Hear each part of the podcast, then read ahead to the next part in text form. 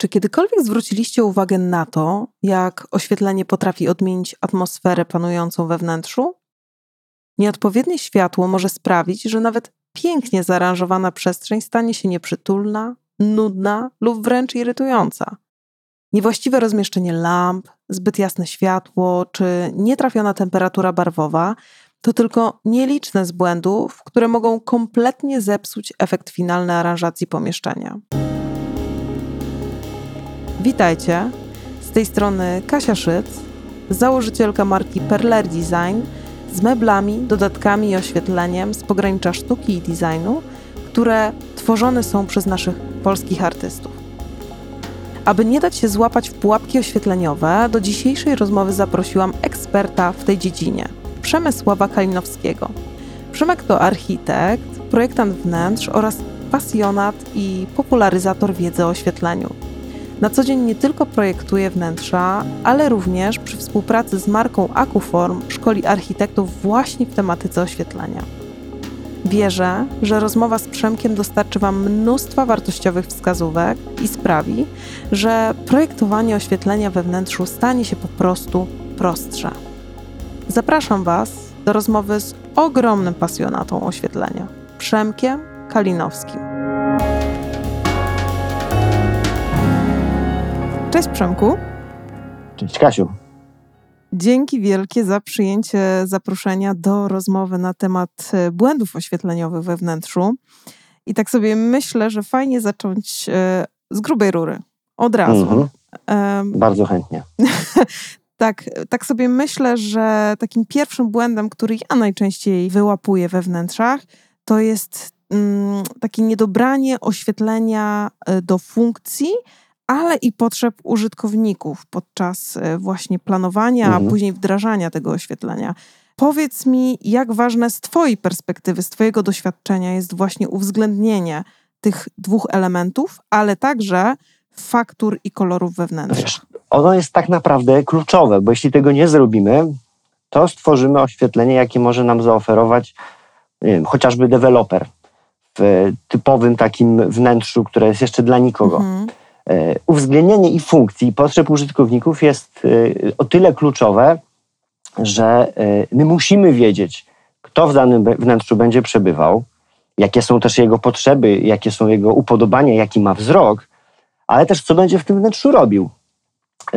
No i też strasznie ważne jest to, żebyśmy wiedzieli, jak to wnętrze będzie urządzone. Mhm. No bo oświetlenie po pierwsze służy temu, żeby wspierać nas w tym, co w tym wnętrzu robimy, ale druga szalenie istotna rzecz, jeśli chodzi o oświetlenie, to jest to, żeby nim wydobyć to, co jest wnętrzu, we wnętrzu yy, najciekawsze. No, mamy mnóstwo narzędzi, żeby za pomocą światła uczynić wnętrze ciekawym, yy, ale żeby to zrobić, my musimy wiedzieć, co i w jaki sposób chcemy oświetlić. Tak. Nie możemy sobie założyć jakiegoś ogólnego wnętrza, bo jeśli będziemy mieli wnętrze na przykład całe białe i, i użyjemy jakiś opraw do tego, to może się okazać, że w, nim, w tym wnętrzu będzie yy, bardzo jasno e, i ono będzie do, na przykład dobre do jakiejś konkretnej aktywności. Ale jeśli zamiast tych jasnych materiałów użyjemy bardzo ciemnych materiałów, to to wnętrze będzie kompletnie inne, ono będzie dużo ciemniejsze i to jest jedna rzecz. A druga rzecz, możesz e, postawić kogoś w jakimś wnętrzu i zapytać go, czy tu jest jasno, czy ciemno. Mhm. Jedna osoba ci powie, że w tym wnętrzu jest jasno, a jest możliwe, że druga powie, że tu jest za ciemno, bo mają zupełnie różne upodobania, ale też zupełnie inne y, możliwości wzrokowe. Także tu jest, no tak naprawdę, żeby dobrze zaprojektować e, oświetlenie we wnętrzu, trzeba wszystko wziąć razem uwagę. wziąć pod uwagę. E, no i tu się oczywiście zaczyna zabawa, bo to jest łatwo powiedzieć, dostosuj wnętrze do funkcji, mhm. natomiast jest też mnóstwo wnętrz, które w ciągu e, chociażby nawet jednego dnia pełnią, pełnią różne funkcje. No i tu się zaczyna właśnie zabawa. Zabawa z oświetleniem. Tak, ale o tym pewnie jeszcze będziemy gadać później. I tak sobie przypominam rozmowy z poprzednimi moimi rozmówcami, i tam często padał ten dobry wywiad e, z, z klientem, nie? No tak, Że to taka tak. podstawa i właśnie też e, zmuszanie albo jakby, nie wiem, stymulowanie klienta do tego, żeby on się zastanawiał nad tym, jak się czuje tu, tam, siam, w jednym wnętrzu, w trzecim i wy, wyciąganie wniosków, dlaczego tak jest. I z, ze światłem myślę jest podobnie, że dlaczego ja się w tej restauracji czuję fajnie, komfortowo, a Mhm. już w tej mm, jakoś nieszczególnie mi się chce siedzieć. I w zasadzie najchętniej to bym już wstał i wyszedł, nie? Że to może Dokładnie. nam już coś zasugerować. No my tak naprawdę oświetleniem możemy wpływać też na zachowania Mhm. użytkowników, chociażby w takiej restauracji. Bo inaczej zaprojektujesz oświetlenie w restauracji, w której chcesz, żeby, e, żeby goście siedzieli długo, Mhm. Zamawiali sobie kolejne posiłki, jeszcze domówili sobie deser, jeszcze lampkę wina kolejną. Tak. E, Po pierwsze dlatego, że no, po to jest akurat ta restauracja stworzona, ale to też wiąże się z tym, że wtedy zostawią więcej e, pieniędzy w takim miejscu i tu zaprojektujesz zupełnie inne światło niż w takim, e, powiedzmy to, nazwijmy to lokalu gastronomicznym, gdzie chodzi o to, żeby ktoś szybko zamówił, szybko zjadł, wyszedł, zrobił miejsce komuś następnemu. Tu będzie już zupełnie inne Oczywiście. światło. Więc my tym światłem możemy też e, wpływać na zachowania, albo też po prostu wspierać te zachowania, które chcemy, żeby w danym miejscu miały miejsce. Jeszcze tak bym sobie wróciła na chwilę do tego, dlaczego to uwzględnienie funkcji jest tak ważne, bo na przykład sobie Mhm. myślę, słuchaj, nie tylko o takim, wiesz, komforcie, poczuciu bezpieczeństwa we wnętrzu, albo właśnie pełnieniu jakichś konkretnych zadań czy funkcji, ale na przykład o bezpieczeństwie, bo jeżeli źle y, oświetlisz schody, no to po prostu tam się może stać kuku komuś, nie? Tak, ale zobacz, już właściwie zaczęliśmy tylko rozmawiać o oświetleniu, Mhm. a już e, ten temat zaczyna się komplikować. tak. I, i, ale jest na to rozwiązanie, tak w ogóle, Mhm. którego ja jestem e, e, niezmiennie, odkąd, się, odkąd to rozwiązanie poznałem, jestem jego fanem, orędownikiem, głosicielem. Wyznawcą. Tak, jestem wyznawcą tego. Mhm. E, Jestem też autorem sucharów e, dotyczących właśnie tego rozwiązania, Mhm. ale ono mi wszystko zmieniło, jeśli chodzi o projektowanie właśnie oświetlenia w jakimkolwiek wnętrzu, bo musimy mnóstwo rzeczy właśnie zapewnić. Bezpieczeństwo owszem, ale też wiesz, w oświetleniu nie chodzi też o to tylko, żeby było jasno, tylko żeby zrobić właśnie to coś więcej. Zdecydowanie. Sprawić, że warunki do robienia konkretnych rzeczy będą odpowiednie, ale że to wnętrze będzie też wyglądało ciekawe, ciekawie, albo że będzie też ten, często tak używamy tego określenia, żeby było klimatycznie, żeby był nastrój i tak Mhm. dalej, ale to się też często zmienia właśnie. E, I ja pamiętam sytuacje, w których jak zajmowałem się projektem jakiegoś wnętrza i wiedziałem, że zbliża się ten niechciany moment, kiedy będę musiał zacząć rysować projekt rozmieszczenia elementów instalacji elektrycznej, Mhm. w tym oświetlenia. Wiedziałem, że to będzie udręka. E, Ale to się na szczęście u mnie zmieniło, no bo można do tego podejść bardzo tak em, systemowo, e, mając do tego bardzo takie przydatne rozwiązanie. No, zdradzisz? No oczywiście tu chodzi o moje ulubione, ukochane warstwy oświetlenia. Mhm. Coś, co zmienia zupełnie moje podejście do, e, do projektowania. Okej. Oświetlenia oczywiście. Opowiadasz o nich trochę? Co to są te warstwy oświetleniowe? Kasiu, ja na to nie mogłem się Doczekać. doczekać. żeby o tym opowiedzieć. Tak, ja tu już, wiesz, już się kręcę no na to fotelu, zapraszam, żeby no tylko o tym wyprzedzasz moje pytania, sam nawet już zacząłeś zagajać. No to wolna droga. Bardzo dziękuję. No dobrze, to najważniejsza zasada dotycząca projektowania oświetlenia we wnętrzu. Oświetlenie dzielimy na warstwy. Oświetlenie ma warstwy. Ogry mają warstwy, cebula ma warstwy. Kurczę, i to jest najgorsze, że ja to powtarzam już chyba z 500 raz ten dowcip Mhm. i nie mogę się tego pozbyć, ale to naprawdę działa. Dzielmy sobie, zapomnijmy o dzieleniu oświetlenia na jakieś strefy, na obwody tym bardziej. Pamiętam sytuacje, w których jak zaczynałem dodawać, tu zrobiłem kinkiet, tam sobie zrobiłem jeszcze jakąś oprawę dodającą jakiejś dekoracji, tu coś jeszcze dołożyłem. Później w pokoju dziennym e, połączonym z jadalnią i z kuchnią miałem trzy pięciokrotne ramki z podwójnymi włącznikami. Konia z rzędem temu, kto by się był w stanie Połapać. tego potem nauczyć, Mhm. jak to obsługiwać. Dramat. Teraz już tego nie robię. Wystarczą w każdym wnętrzu cztery e, włączniki Okej. Bo we wnętrzu ja myślę o warstwach, czterech warstwach, które mi ten projekt oświetlenia porządkują. I tu pozwól, że powiem, o jakie warstwy No chodzi. jasne. Na początku chcemy, żeby we wnętrzu było wystarczająco jasno, żeby można było dostrzec całą przestrzeń, żebyśmy po prostu byli w stanie omieść wzrokiem całe pomieszczenie. I żeby po prostu było tu bezpiecznie. Do tego służy warstwa oświetlenia ogólnego. Ona ma właśnie zapewnić ten takie równomierne światło, które sprawi, że we wnętrzu będzie jasno, ono zrobi taki trochę zapraszający efekt, nikt się nie będzie bał tam wejść, y, ale to jest wszystko. Y, to oświetlenie nie zapewni mi nic więcej y, i możemy je, za, możemy je zrealizować na przykład za pomocą wszelkich opraw z przesłoną. Wszystkie plafony, wszystkie oprawy w kształcie profili z mleczną przesłoną. To są właśnie rozwiązania, które zapewnią mi warstwę oświetlenia ogólnego. Ale jak zrobię tylko oświetlenie ogólne, to w tym wnętrzu będzie po prostu jasno, czyli będzie nudno. Mhm.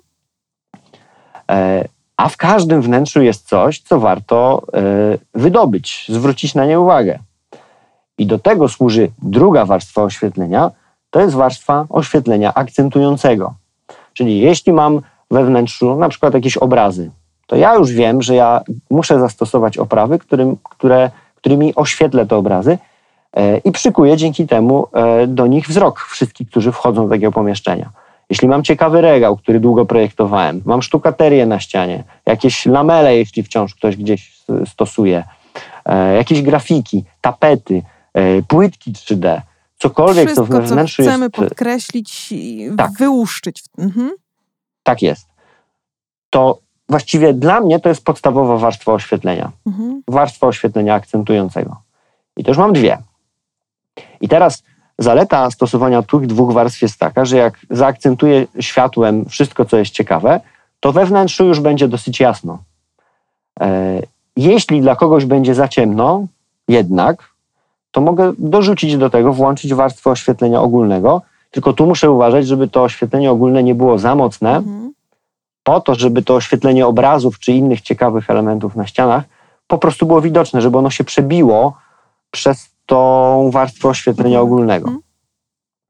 Ale one razem będą już y, ładnie działały.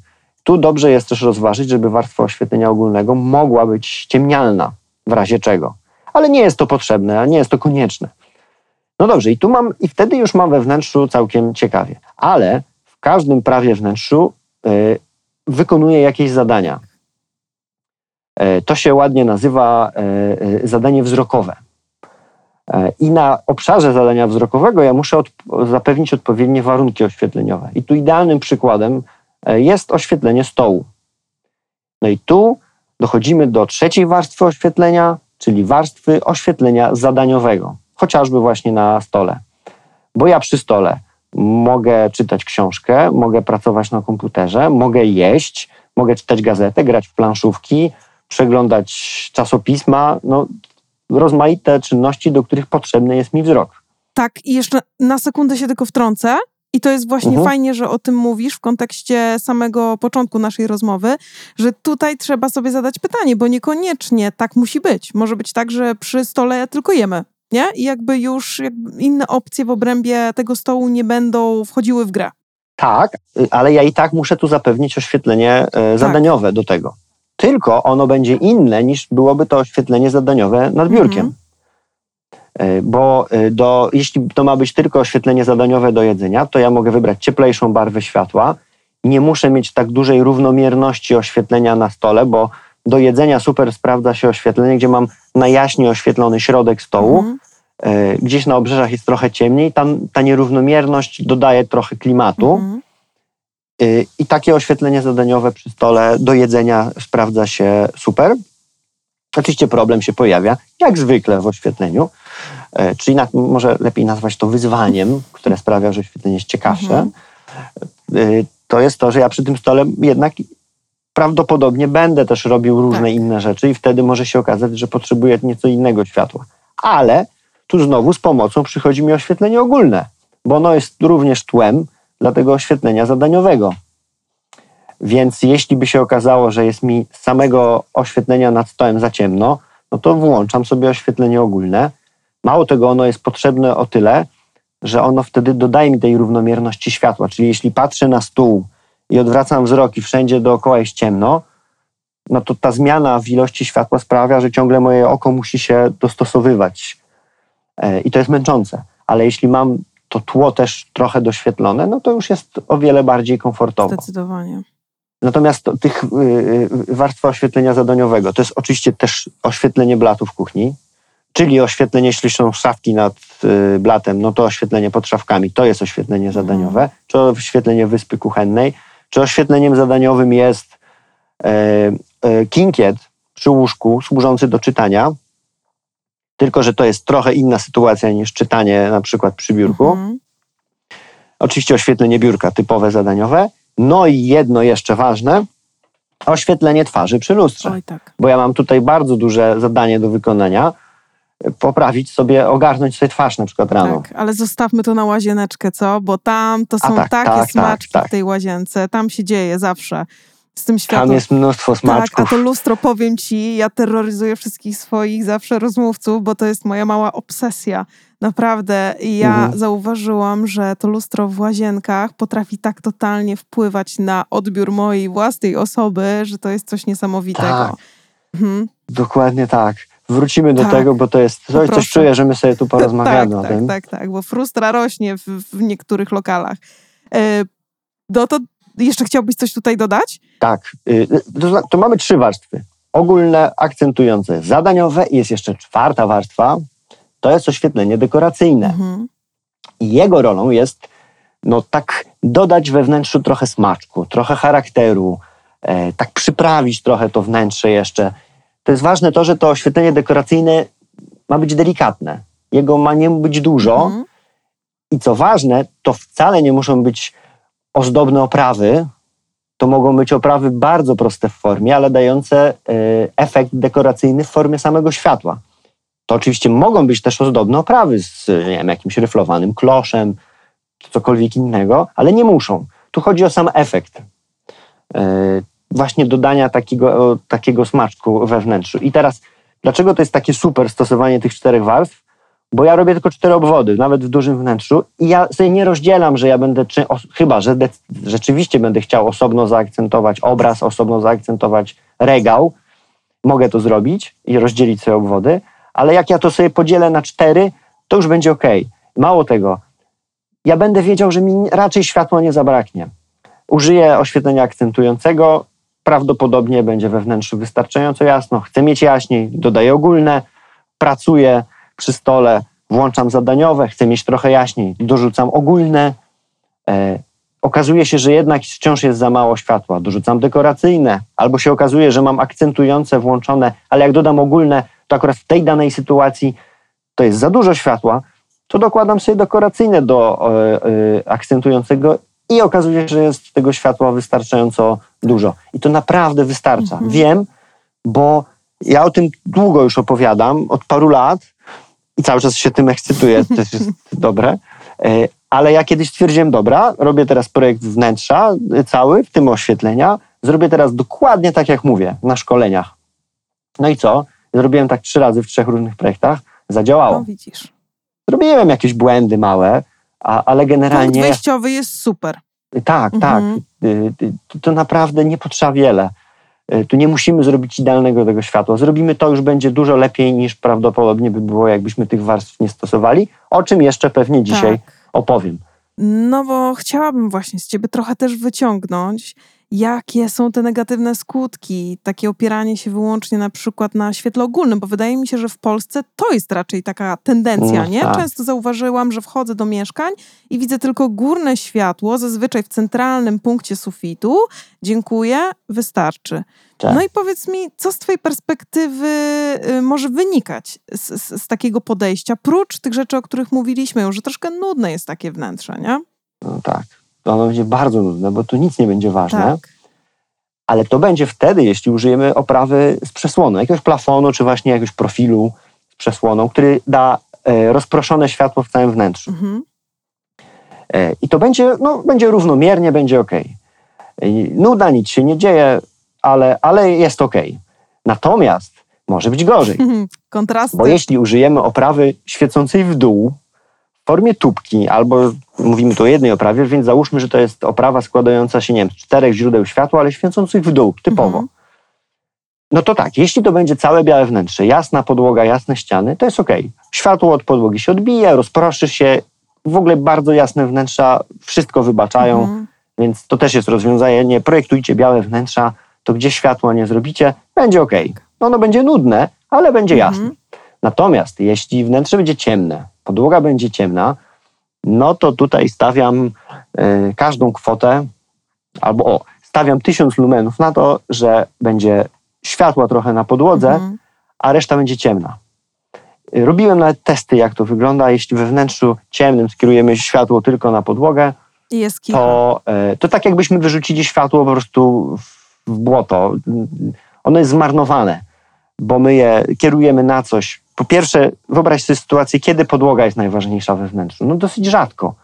Okej, robimy jakiś hol, jakiś foyer, gdzie jest jakaś pałacowa mozaika i chcemy zwrócić na to Mhm. uwagę, to tak. Ale raczej, y, no ja chodząc po wnętrzu raczej nie patrzę pod nogi, mimo wszystko, tylko patrzę przed siebie i tam trzeba świecić. A często robimy jedną oprawę w dół, e, w małych pomieszczeniach bardzo często, w toalecie na przykład taka tubka świecąca prosto w dół Mhm. I to jest A dramat. jakie wtedy. jeszcze oprawy oświetleniowe byś właśnie mm, raczej rekomendował, żeby unikać w, w takim świetle ogólnym, bo właśnie robią tego typu efekty? Oczka, wszystkie, wszystkie oczka w suficie podwieszanym. E, bardzo często to robimy. Mamy Tak. duże pomieszczenie i siejemy tymi oczkami na rzucie, tak żeby cała podłoga była oświetlona. Mhm. Tylko po co? Bo to jest w ogóle, wiesz, w ogóle najlepsze pytanie w projektowaniu czegokolwiek, które pozwala uniknąć wielu błędów, to jest pytanie po co? Po co ja wybieram oczko świecące w dół? Jeśli znajdę na to odpowiedź i stwierdzę, bo chcę oświetlić podłogę w tym Mhm. miejscu, to jest okej. Ale bardzo możliwe, że stwierdzę, no właściwie to ja, to ja nie wiem po co, bo ja chcę y, oświetlić całe wnętrze. No ale oczkiem świecącym w dół, zwłaszcza jeśli kąt świecenia jest jakiś ograniczony, to ja sprawy e, no, po prostu nie załatwię. Mhm. E, Więc e, ja w ogóle bardzo rzadko stosuję oprawy w formie wpuszczanych takich oczek świecących tylko w dół, jeśli już to wychylne, żebym mógł to światło skierować gdzieś na coś konkretnego. E, Więc tego, e, tego unikam. No i tu tak trochę bardziej ogólnie powiem, unikam opraw niskiej jakości Mhm. a jest ich bardzo dużo, z tego względu, że w ogóle pewną podstawą jest to, żeby e, uzyskać samo światło o wysokich parametrach. A te parametry to jest współczynnik oddawania barw, serii, żeby był wysoki, żeby kolory w tym świetle wyglądały w miarę naturalnie chociaż. Druga rzecz to, żeby jak ja kupuję sobie 10 opraw, które ma jakąś zadeklarowaną barwę światła, to żeby to była ta barwa, a nie 400 kelwinów mniej lub więcej Mhm. bo to będzie inny efekt. No i bardzo ważna rzecz, żeby nie było tętnienia, a jak kupisz oprawy na wymienne źródła światła albo tanie zbudowanym modułem LED, to one mogą tętnić. Mhm. Tętnić, czyli migotać. Y, I to jest, y, to, to ma bardzo zły wpływ na samopoczucie, na, potrafi wywoływać ból głowy, takie tętnienie, y, rozdrażnienie, lęki. A ponieważ mam, jak nie, nie trudno się domyślić, zboczenie zawodowe, jeśli chodzi o oświetlenie, to chodzę często, wchodzę gdzieś, włączam sobie telefon, włączam sobie aparat Mhm. i patrzę z kamery, czy mi migocze obraz. Jezu, jaki świr. No świr, wiem. To już jest, to już jest faktycznie, no, mocne. No, dlatego moja, moja żona na zakupy nie chce ze mną chodzić, bo, Ale to... bo chodzę z tą oprawą, wiesz, z, z telefonem i powiem ci bardzo często migocze, Mhm. a jeszcze jak włączysz y, film, na filmie jeszcze ta częstotliwość ekranu jest trochę inna, Mhm. potrafi wariować Mhm. i w wielu miejscach dziwiłabyś się, gdzie potrafi szalenie migotać. Mhm. Y, Naprawdę i, y, i to jest po prostu niezdrowe, nieprzyjemne. Bywa też, y, bywa też zwyczajnie niebezpieczne, jak ktoś siedzi 8 godzin w takim wnętrzu. To prawda, czyli chcesz mi powiedzieć, że na takim poziomie, hmm, jakby to powiedzieć, racjonalnym sobie siedzę we wnętrzu i tego nie widzę, ale tak naprawdę moja podświadomość to chłonie. W sensie mój organizm to wyłapuje. Tak, bo może być tak, y, y, taka częstotliwość tego migotania, że ty to widzisz gołym okiem. Mhm. Tak. Może być większa ta częstotliwość, ale wciąż za mała i dostrzegasz to tak ledwo, ledwo, ale jednak gdzieś tam kątem oka, że tak powiem, dostrzegasz. Mhm. Albo może być taka, że wciąż jest niezdrowa, ale ty tego y, nie rejestrujesz, a twój, twój mózg już tak. Mhm. E, I tu nie ma prostej metody, jak to rozróżnić. Tu trzeba po prostu wybierać oprawy dobrej jakości, bo producent oświetlenia. Wiesz, no ja, ja tak naprawdę te szkolenia robię dla jednego konkretnego producenta oświetlenia. Nie bez powodu tego ani Mhm. innego, bo tu mi chodziło o to, żebym mógł opowiadać też o jakości e, tego światła, bo jakbym tego nie miał, no to to, to, by, to, to by się w ogóle nie spinało. nie wiem, mam nadzieję, że mogę to wspomnieć. No ja tu akurat współpracuję ściśle z e, firmą Akuform, polskim producentem opraw oświetleniowych. I to jest producent, który ma swoją produkcję w Polsce. Natomiast tak jak każda firma oświetleniowa, kupuje podzespoły od producentów e, modułów LEDowych Mhm. i od producentów zasilaczy. I może kupić tani zasilacz, i może kupić tani moduł, albo kupić droższy, który będzie trzymał parametry i zaś i tak dopasować u siebie w centrum badawczo-rozwojowym jedno z drugim, żeby to działało długo Mhm. e, i żeby nie było tego migotania chociażby. Okej. I żeby te wszystkie parametry odpowiadające za jakość światła, oddawanie barw, temperatura barwowa, e, równomierność barwy światła, jednorodność, żeby 10 opraw świeciło dokładnie takim samym światłem, no to to jest już, to zawsze kosztuje. Okej, czyli chcesz mi powiedzieć, że wiarygodność właśnie i jakość mm, można zweryfikować wyłącznie poprzez cenę, tak?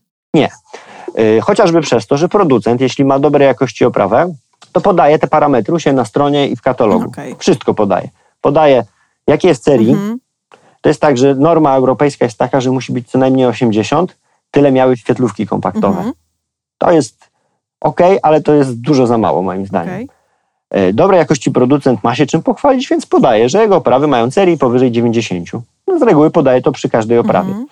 E, Druga rzecz jest taki parametr e, jak jednorodność barwy światła. To, jest, to się oznacza skrótowcem SDCM. Z angielskiego, tam Standard Deviation Color Matching, czyli takie odchylenie dopasowania barw. Mhm. Im mniejsza cyferka, tym lepiej. E, I, e, I to jest tak, że na przykład w akuformie to jest 3, to znaczy, że różnica maksymalna między, w barwie światła między różnymi oprawami o tej podanej barwie światła to jest plus minus 50 kelwinów. Mhm. Nie da się praktycznie tego rozróżnić gołym okiem. SDCM y, w większości wymiennych LEDówek, takich na GU10 i takich tanich, y, sprowadzanych w kontenerze y, statkiem z daleka opraw zbudowanym modułem LED, tam SDCM wynosi 6, co oznacza, że ta różnica w barwie może nawet i 400 kelwinów wynosić. Mhm. To jest bardzo dużo. Y, I, i, I dla mnie to jest pierwsza rzecz w ogóle. Ja odrzucam oprawy pośredniej jakości, bo mi szkoda, owszem, one są tańsze, y, ale ja wolę oszczędzić na czymś innym, bo szkoda mi tego efektu później. Okej. Bo, bo dla mnie najważniejsze, dla kogoś, kto się zajmuje oświetleniem, to żeby to wnętrze wyglądało dobrze nie w ciągu dnia, w świetle słonecznym, kiedy robimy zdjęcia, sesje, wszystko ekstra, oprawy ładnie wyglądają, ale nie świecą. Mi chodzi o to, żeby to wnętrze wyglądało dobrze wieczorem. I powiem Ci, że widzę te różnice, odkąd stosuję parę zasad, chociażby te warstwy oświetlenia, ale parę innych, i trzymam się jakości samego światła, to ja wchodzę do takiego wnętrza i jest mi w nim dobrze. Mhm. Po prostu. A wchodzę do innego i jest mi w nim źle. Na zdjęciu tego nie będzie widać, Tak. ale na żywo bardzo. E, I to doświadczyłem tego na sobie i dlatego tym bardziej mówię z przekonaniem, że ja wolę Zainwestować w Kiedyś bym nie pomyślał o tym, e, ale wolę użyć trochę tańszego materiału, e, e, oszczędzić trochę na armaturze. Nie w tym sensie, żeby kupić chińską, tylko kupić dobrej jakości producenta, ale niekoniecznie tą najbardziej Mhm. fancy. Zresztą pominę ten temat, bo wchodzi, weszlibyśmy tu w tematykę samego designu, czym jest design i czy forma Tak. jest tu najistotniejsza To jest tak gruby temat, prozaicznej że... czynności, na przykład mycia zębów. Mm, Natomiast wolę, e, wolę trochę tego budżetu przesunąć na e, oświetlenie. To nie znaczy, że mam tam wydać majątek, bo też dobrej jakości oprawa nie kosztuje majątku, ona kosztuje więcej i to się oczywiście sumuje, jak Mhm. e, całe wnętrze oświetlimy, ale moim zdaniem to w ogóle, w ogóle nie mam wątpliwości, że warto. Okej. Tak sobie myślę, że wyszliśmy właśnie od tego, taka jest moja intencja, żeby zachęcić ludzi do tego, żeby jednak właśnie w te warstwy oświetleniowe inwestować i o tym myśleć przy projektowaniu wnętrz, bo oprócz tego, że to, to wnętrze jest właśnie takie jednowymiarowe, że nie spełnia Mhm. swoich funkcji, bo o tym też wspominałeś, nie? Że, że tam konkretne zadania fajnie wykonywać przy dodatkowym oświetleniu. I o niebezpieczeństwie też wspominaliśmy. Czy masz jeszcze rzeczy jakieś, które ci przychodzą do głowy w związku z tym właśnie takim jednorodnym, ogólnym oświetleniem? Albo wręcz przeciwnie, wyeliminowanie ogólnego i tylko trzymamy zadaniowe i dekoracyjne. Jakie to może mieć konsekwencje jeszcze takie niefajne? Powiem Ci tak, zaprojektowałem, y, y, y, przy jednym projekcie wnętrza miałem, miałem y, y, mm, do, za, też za zadanie to wnętrze, które zaprojektowałem dobrze oświetlić. Tam był dosyć duży pokój dzienny z jadalnią i dużą kuchnią połączone razem. Tam było sporo podłogi, sporo tych metrów. E, I trochę, bo ja tu mówię, że warstwo oświetlenia stosujmy cztery i wszystko będzie ok. To oczywiście tylko teoria. Jak zaczynamy dobierać oprawy i chcemy, żeby to jeszcze wyglądało jakoś sensownie, trzymało się to wszystko jakoś sensownie, no to się zaczynają schody. Mhm. No i tu ostatecznie z inwestorami zdecydowaliśmy, że żeby zapewnić dobre oświetlenie ogólne w tym dużym pokoju dziennym, tam musimy użyć sporo opraw. Oni nie chcieli jednego wielkiego plafonu, nie chcieli długich profili z przesłoną. I stwierdziliśmy, że dobra, robimy bez ogólnego. Jest akcentujące na wszystkie ściany e, w salonie. E, Tam akurat podzielone, bo mieliśmy os- osobne akcentujące na ścianę ze sztukaterią, osobne na e, regał, osobne na lamele. No tam niestety były też lamele. I, e, I zadaniowe, bo w tym pokoju dziennym był stół. I jeszcze jedno zadaniowe na stolik kawowy Mhm. w formie prostego reflektora, bo na stoliku z kawowym też mam różne zadania. Piję kawę, gram w planszówki, w karty, piję wino, przeglądam coś, nie wiem, jakieś właśnie gazetę, e, więc muszę mieć odpowiednie światło do tego zadania wzrokowego. E, I powiem Ci, że jak wszedłem do tego wnętrza już oświetlonego, to stwierdziłem, że jest bomba O, bo ja mam, co ważne, ja nie miałem ani jednego, żadnej jednej oprawy, która świeciłaby mi w oczy. Ja miałem światło tylko odbite od powierzchni ścian, e, a światło odbite jest najbardziej przyjemnym światłem, najmniej męczącym. E, I okazało się, to samo zrobiliśmy w kuchni. E, Ja oświetliłem e, szafy, wysoką zabudowę, e, którą widać od razu na wejściu i efekt był taki, że ja wchodzę do tego wnętrza, zużyłem dosyć mało światła, jeśli chodzi o waty, mhm. lumeny przede wszystkim, czyli tę wartość, która mówi, ile światła emituje dana oprawa we wszystkich kierunkach, czyli strumień świetlny. Zużyłem tego mało, a wewnętrzny efekt był jasny. Bo, i tu dochodzimy do kolejnej ważnej rzeczy, yy, przede wszystkim, żeby we wnętrzu dać efekt, że jest jasno, trzeba świetlić ściany, nie podłogę. Bo ja nie patrzę w podłogę, mało tego często jej nie widzę, bo zasłaniają coś innego. Mhm. Więc jeśli skieruję oprawę na podłogę, której nie widzę, to ja marnuję światło. W ogóle marnuję kasę na kupienie takiej oprawy i marnuję potem kasę na, na, na prąd, żeby jej używać. Tam mieliśmy tylko oświetlenie ścian, więc zrobiłem tam drugą, zachowałem drugą zasadę, która się świetnie sprawdza. Świadomie podzieliłem sobie oświetlenie na horyzontalne i wertykalne. Horyzontalne to jest oświetlenie powierzchni poziomych, w tym podłogi. Nie zawsze potrzebuję oświetlić podłogę, ale oświetlenie horyzontalne to też oświetlenie blatów wszelkich. No i to muszę stosować. E, Oświetlenie wertykalne, oświetlenie ścian. Więc ja tu za pomocą warstwy oświetlenia akcentującego uzyskałem również oświetlenie wertykalne. E, Świetnym przykładem, jak to działa, jest rynek. Stań na rynku, na przykład w Poznaniu, myślę, że we Wrocławiu też tak jest, masz oświetlone pierzeje rynku, e, a nie masz oświetlonej posadzki na całym rynku. Tam możesz mieć pięć luksów natężenia oświetlenia góra, Mhm. ale stoisz na środku i czujesz się w tym przyjemnie i bezpiecznie, bo wszędzie, gdzie nie spojrzysz, jest jasno. Mhm. Oczywiście ktoś może stwierdzić słusznie zresztą, że zaraz, zaraz, ale na przykład w normie mam podane, że oświetlenie, natężenie oświetlenia na posadzce w korytarzu musi być 100 luksów, więc ja muszę świetlić, świecić po podłodze. I to nas niestety tak trochę nauczyło, żeby patrzeć na podłogę. Po pierwsze, we wnętrzu prywatnym nie ma normy, więc nie musimy się aż tak tym przejmować. Po drugie, jak oświetlimy ścianę korytarza w hotelu, nie świecąc na podłogę, robiliśmy takie symulacje, dobieraliśmy oprawy w hotelach. Mhm. Okazuje się, że jako świetle na przykład obrazki, które są na ścianie w korytarzu tylko i to one nie są czarne, ściana nie jest czarna, to światło się odbije od tej ściany, spadnie na podłogę. Mhm. Na podłodze uzysku, uzyskiwaliśmy w konkretnym tam takim projekcie 130 luksów, a mieliśmy, mieliśmy jeszcze oświetlone y, obrazy i to, co jest najciekawsze na ścianach i sprawialiśmy, że we wnętrzu wydawało się jaśniej. Mhm. A częstym błędem jest w takim miejscu stosowanie oprawy w dół i nie dość, że świecę po podłodze, to po ścianie świecę tylko na przykład od połowy. I zobacz, ile jest takich e, projektów i, e, i ile można zobaczyć zdjęć, na których w korytarzu jest na przykład obraz oświetlony od połowy, jego dolna Tak. część.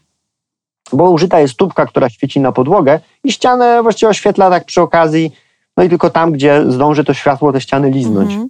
Szkoda tak robić, Szkoda.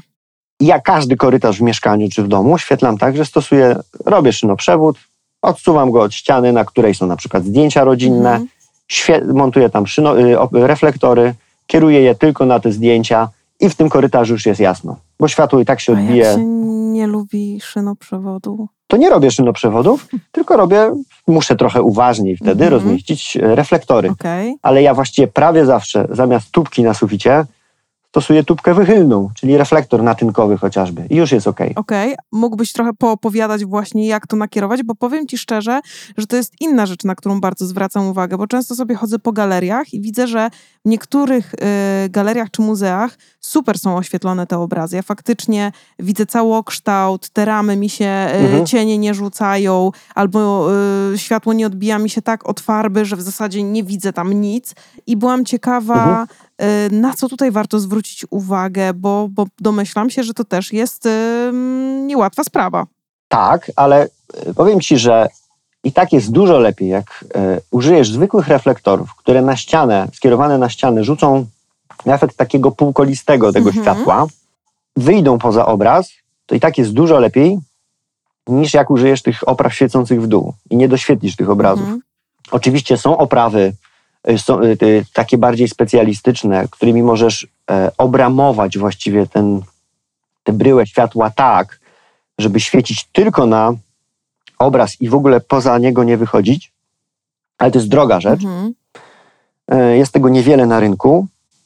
Mm, No i tu trzeba się liczyć, tu potrzeba koniecznie e, skorzystać z usług lighting designera Mhm. zawód, który na szczęście w Polsce się powoli rozwija. Powoli przybywa inwestorów, którzy są w stanie zapłacić e, dodatkowe pieniądze za taką usługę, której nie ma wykonywać architekt czy architekt, architekt wnętrz, bo to już jest bardzo specjalistyczna usługa, tylko właśnie ktoś, kto się zna tylko na oświetleniu, e, tym się zajmuje. E, no i tu przy takich oprawach specjalistycznych taka usługa będzie y, no, bardzo przydatna. I powiem Ci, że mm, ja nie ma takiej potrzeby, żeby aż tak wchodzić. Okej. Wystarczy, jak zastosujesz reflektory. Oczywiście tu znowu trzeba zwrócić uwagę na jedną rzecz. Jeśli to jest ściana, przy której nikt nie stoi tyłem do niej, nie jest ściana przy drzwiach, że ktoś przechodzi y, obok tej oświetlanej ściany, no to nie musimy się bać tego, że komuś zaświecimy w oczy. Mhm. Ale bardzo często jest tak, że we wnętrzu chcemy oświetlić ścianę, gdzie jest coś ładnego, ale będziemy olśniewać, będziemy razić bardzo mocno Tak. światłem. Takim przykładem jest na przykład sytuacja, w której masz sofę, a za sofą masz piękny obraz. Mhm. No ten obraz trzeba oświetlić. A co my często robimy? Oświetlamy sofę. I to jeszcze tak, wiesz, odsuwamy tu właśnie tubki nieszczęsne albo prostopadłościaniki na suficie, które są odsunięte od ściany i świecą w dół, na przykład na koniec sofy. Mhm.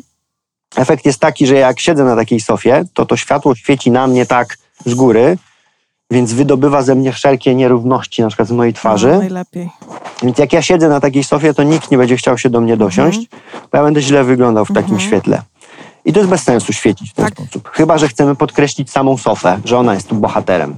No więc, y, żeby dobrze oświetlić taki obraz na ścianie, musimy użyć oprawy o bardzo precyzyjnej optyce, Mhm.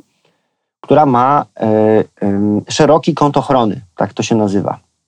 To znaczy, że jeśli oprawa ma podany kąt świecenia 35 stopni, to bardzo niewiele światła wychodzi poza ten kąt. Ono jest t- takie, mamy precyzyjne odcięcie tego światła. Na przykład w marce, z którą współpracuję, w Akuform, jest taka oprawa, ale takich opraw na rynku jest naprawdę niewiele Mhm. i trzeba wiedzieć, które to są. One pozwalają, pozwalają uzyskać niskie olśnienie. Y, Tam na przykład u tego producenta opisane są jako low UGR. UGR to skrót od Unified Glare Rating, czyli taki współczynnik y, zunifikowany olśnienia. Chodzi o to, że jak ja siedzę na kanapie, na suficie mam oprawę, reflektor skierowany na ścianę za mną, to ona i ja nawet patrzę się w stronę tej oprawy, to ja mogę widzieć, że ona świeci, ale to światło mija mnie nad głową i świeci na obraz, który jest powyżej. Mhm.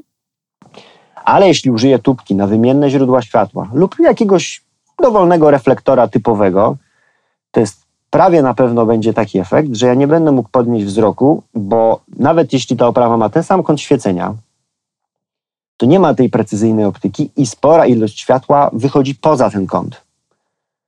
E, I wtedy będzie efekt taki, że przy tej kanapie nikt nie wysiedzi. Tak. E, I tu warto stosować oprawy właśnie z taką bardzo precyzyjną optyką, których jakoś bardzo dużo nie jest, ale ja akurat takie znam i ich używam, bo one mi się doskonale sprawdzają. I polscy producenci dobrej jakości opraw oświetleniowych takie e, oprawy w swoim portfolio mają. Ale już wśród takich bardziej budżetowych, sprowadzanych, importowanych, czy wszystkie, nawet dobrego producenta oprawy na wymienne źródła światła, takie LEDówki GU10, zamienniki popularnych kiedyś reflektorków w średnicy 5 cm, tym tego nie uzyskasz, bo tam to światło jest, nawet jak masz kąt 35 stopni, to on zupełnie inny daje efekt, zupełnie inaczej wygląda, bo dużo światła idzie poza to. My mówimy na to, że to, takie źródło światła, czy taka oprawa sieje światłem też na boki. Mhm. Tu zależy mi na takiej precyzyjnej optyce, właśnie małe olśnienie. No i tu trzeba uważać, żeby właśnie nikogo nie oślepiać. Yy, przypomina mi się moja wizyta na targach powoli już umierających, wydaje mi się, mam nadzieję, że tu nikogo, nie wiem, Nie nie urazisz? dotknę tym, Mhm. czyli Warsaw Home. Aha. E, Jeszcze kiedy one wyglądały całkiem nieźle, e, ja miałem wtedy nawet okazję projektować stoisko dla Akuformu Mhm. E, i wydaje mi się, że świetleniowo wyszło całkiem przyjemnie, ale chodziłem i wiesz, jak głupi robiłem zdjęcia, bo przyszedłem się któregoś dnia też połazić, zobaczyć, co tam Mhm. jest w różnych halach i ja właściwie mam dziesiątki zdjęć, w których e, oprawy świecą mi w oczy prosto Mhm. bo nikt nie zwrócił na to uwagi. I to jest okropne, bo ja potem wychodzę w, z takiego miejsca wkurzony zwyczajnie, poirytowany, bo no ja po prostu fizycznie zostałem dotknięty Tak. tym światłem. Inna sprawa, że tam no, robiłem mnóstwo zdjęć w ogóle jak nie projektować oświetlenia, bo wiele rzeczy było po prostu źle oświetlonych, złej jakości światłem, nie ta barwa światła, za blisko na przykład oświetlonego przedmiotu.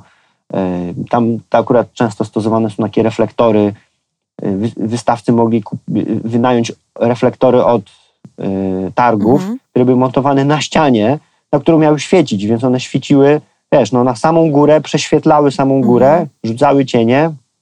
Dramat, a nie oświetlały tego, co powinny. No, Wiesz co, powiem ci, że im dłużej rozmawiamy, tym widzę więcej niuansów i niebezpieczeństw. A tak naprawdę, wiesz, skoro tylu architektów nie ma świadomości albo jeszcze nie porusza się w tym temacie tak e, biegle, to co dopiero osoby, które po raz pierwszy na przykład projektują swoje mieszkanie, Mhm. nie? tak, to jest tak. hardcore. Tu pułapek czyha mnóstwo, ale pocieszę, pocieszę słuchaczy y, tym, że stosując warstwy oświetlenia, stosując oświetlenie horyzontalne, wertykalne, Mhm, Myśląc o jeszcze tym. parę rzeczy, o których tak. mam nadzieję dzisiaj powiemy. Może nie zrobimy idealnego oświetlenia, które zrobiłby lighting designer za grube pieniądze, ale zrobimy bardzo przyjemne i bardzo porządne oświetlenie. Naprawdę. I jeszcze przy tym właśnie zadajemy sobie pytanie. Jak ja lubię spędzać Po czas? Po co? A, no tak. Y, tak, y, w jakim świetle czuję się najlepiej o tej po, i o tej porze dnia, bo oczywiście są jakieś takie standardy, takie normy, ale myślę, że trzeba podejść tutaj bardzo indywidualnie do, do każdej osoby, bo, bo widzę, że, że można mieć różne preferencje, nie? Wiesz co, jeśli pozwolisz, to sobie zrobię taką małą autoreklamę, Zapraszam. ale myślę, że może być naprawdę przydatna, bo mówimy o różnych rzeczach, o paru, paru tylko wspomnieliśmy, ale ja o, tym, o czym mówimy, ja to opowiedziałem już Mhm. i to jest nagrane i jest zamieszczone w konkretnym miejscu. Można sobie do tego w dowolnym momencie wracać, yy, przeglądać, dowiedzieć się jeszcze wielu innych rzeczy. To jest taka platforma, platforma e-learningowa, wiedza o świetle, której trzeba się zarejestrować, ale to jest darmowa rejestracja. To się nazywa Akuform Academy, Akademia Akuform na stronie www.akuformacademy.com i tam są dziesiątki filmów, w których mówimy o warstwach, o Mhm. horyzontalnym, wertykalnym, o tym, jaką barwę używać światła, czego unikać, jakich błędów, cała masa rzeczy. Y, Można sobie odpalić taki filmik dowolny, pięciominutowy, trzyminutowy. No, na niektórych niestety się rozgadałem i są dłuższe. I sobie do tego wracać i sobie przypomnieć albo się czegoś przydatnego dowiedzieć. Akurat na konkretny temat, przy którym e, siedzimy, Tak. na przykład i nad którym się zastanawiamy. E, No i z tego co wiem, spotyka się to z takim odbiorem, że to jest przydatne. Tak. Dobrze że, dobrze, że o tym mówisz, bo wiesz, ten nasz podcast dzisiejszy, on ma zwrócić uwagę na takie najczęstsze błędy. My tutaj nie możemy się jakoś super ekstra zagłębić w każdy temat, no bo jak, jak sam pewnie zauważasz, po prostu Tak. rozwidleń y, jest tutaj cała masa, Mhm. więc spędzilibyśmy tutaj pewnie trzy dni, żeby to wszystko obgadać. Tak, tak, Ale tak. tak, żeby właśnie naświetlić takie najczęstsze problemy, myślę, że, że to jest dobry punkt wyjściowy, a później właśnie odsyłamy do Akuform Akademii i, i pozastanawianie się nad każdym za, zagadnieniem, nie? I to jak najbardziej chyba y, wespół zrobi dobrą robotę. Tak myślę. Tak, tak, jak najbardziej. Ja tu też dodam, że tam na tej platformie to nie jest reklama produktów Akuform. Mhm. My tam mówimy y, o zagadnieniach przy użyciu oczywiście tych opraw, ale to jest uniwersalna wiedza. Mhm. I ona się przyda przy każdym projektowaniu oświetlenia, moim zdaniem. No to super. Tak tylko jeszcze To dodam. odsyłamy właśnie do uzupełnienia, a teraz jeszcze myślę o kolejnym błędzie, mm, który myślę, że też dość często popełniamy. To jest podejście do tego, żeby było jasno. Nie? Na, na, Mm, tak, no bo y, w naszej części, y, w- części świata, w której żyjemy, no z tym światłem dziennym jest jak jest, nie? Y, Przez wiele Mhm. pór, no niestety jest ciemno, mało przyjemnie, więc ludzie chcą na siłę doświetlać te pomieszczenia, żeby aż żarzyło. I powiedz mi, jakie są tego niekorzystne konsekwencje, a może z twojej perspektywy w ogóle ich nie ma i to jest super opcja. Y, Wiesz, no, są takie wnętrza, gdzie zawsze dużo światła jest potrzebne.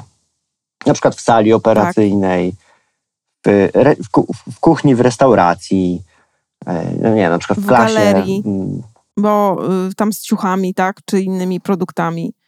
Tak, aczkolwiek w galerii też trzeba wyeksponować niektóre ciuchy, więc jak zrobimy bardzo jasno, to już, żeby jeszcze coś wyeksponować, Tak. będzie ciężko, bo musielibyśmy dać jakieś szalenie dużo światła na to coś do wyeksponowania, więc też, mm, też może być z tym różnie. Ale tak, no załóżmy, że chcemy wszystko, żeby było jasno, takie zapraszające, tak, E, ale już w całej masie innych pomieszczeń To e, się nie sprawdzi. to może być tak, że my czasem potrzebujemy jasno, ale czasem potrzebujemy ciemno. I żeby to nie było takie zero, zero-jedynkowe, nie? Że wyłączamy światło Tak. ogólne i jest po wszystkim. Dziękuję.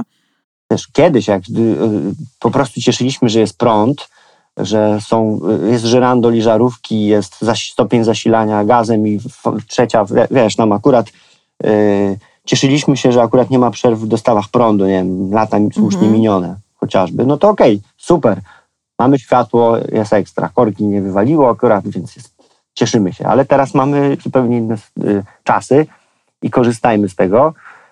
E, I tu myślę, że y, dlaczego dużo światła jest złe, wyobraźmy sobie prozaiczną sytuację. Małe pomieszczenie we wnętrzu, z którego każdy korzysta, toaleta. I robimy w niej po prostu, żeby było jasno. Jak korzystamy z niej w ciągu dnia, no toaleta jest ciemna, bez okna, no to wszystko gra. Wchodzę, zapalam sobie światło, e, jest jasno, wychodzę do jasnego przedpokoju, korytarza, jest ok. Ale jeśli ja chcę skorzystać z toalety tej samej wieczorem, w trakcie kolacji z przyjaciółmi, siedzimy przy świecach, przy jakimś delikatnym, dekoracyjnym świetle gdzieś tam, ja wchodzę do takiej toalety, no to ja doznaję olśnienia. No to akurat in Znaczy, plus chyba, doświadczam. przy- Ta- No to niestety to jest to, y, doznaję przykrego Mhm. efektu olśnienia, o. Y, I zanim moje oczy się dostosują, no to jest ten moment, kiedy Porażenie. to jest nieprzyjemnie. A potem z tego bardzo jasnego wnętrza wchodzę z powrotem do tego Mhm. ciemnego i zanim zacznę wszystko dobrze widzieć, to przejdę kawałek, jeszcze po drodze w coś wejdę, Mhm. potknę się, zanim y, moje oczy przywykną do Tak. tego półmroku. Albo gorzej, nie no, każdy mógł tego doświadczyć. Tak. Budzę się w nocy, muszę iść do toalety. głowy. I co, i ja mam tak u siebie niestety. Szef z butów chodzi, ja już trochę, jednego buta już mam, drugi jest jeszcze takim klapkiem, ale już jest naprawdę nieźle w paru, w paru w większości pomieszczeń wyeliminowałem błędy, w toalecie jeszcze nie. Ja, prawdę mówiąc, idę po swój sportowy zegarek, włączam sobie tryb latarki i ja tak wchodzę Mhm. do toalety. Bo jak sobie zapalę światło, to oprócz tego, że będę miał nieprzyjemny efekt, to jeszcze mogę sobie załatwić dwie godziny Tak, bezsenności tak. bo duża ilość światła o tej porze wstrzyma mi produkcję melatoniny, czyli hormonu snu. No i w tym momencie moja szyszynka może tę melatoninę w mózgu przestać Mhm. produkować. Więc ja tak naprawdę powinienem sobie w tej toalecie zapewnić też możliwość Nocnego światła. uruchomienia bardzo niewielkiej ilości światła. To samo na przykład w korytarzu. Lubię robić te e, reflektory skierowane na grafiki, obrazy, robić inne zdjęcia w korytarzu, ale zostawiam sobie drugi obwód, żebym ja mógł go w nocy włączyć. Chociażby oświetlenie takie obrysowe na dole, albo jeden reflektor z słabszym źródłem światła. Coś, co da mi trochę światła, bo tu w korytarzu też nie chodzi o to, żebym ja sobie zapalał trzy obwody, jak przechodzę, bo ja wchodząc przez korytarz chcę machnąć ręką i się nie, nie celebrować chwili włączania Mhm. światła w korytarzu, ale jednak chcę, powinienem mieć tę możliwość, żeby w zupełnie innych warunkach, o innej porze, e, no móc e, Dostosować po prostu. Tak. korzystać. No dokładnie tak. I takich przykładów jest Mhm. mnóstwo, tylko to bar- zrobienie po prostu bardzo jasno e, no jest nie tyle nad niewykorzystaniem szans, które daje współczesne oświetlenie, to no, co jest e, zapewnieniem sobie dobrego światła tylko w, je, w bardzo konkretnej sytuacji, a, a w ogóle za pominięcie Tak. jakichkolwiek innych.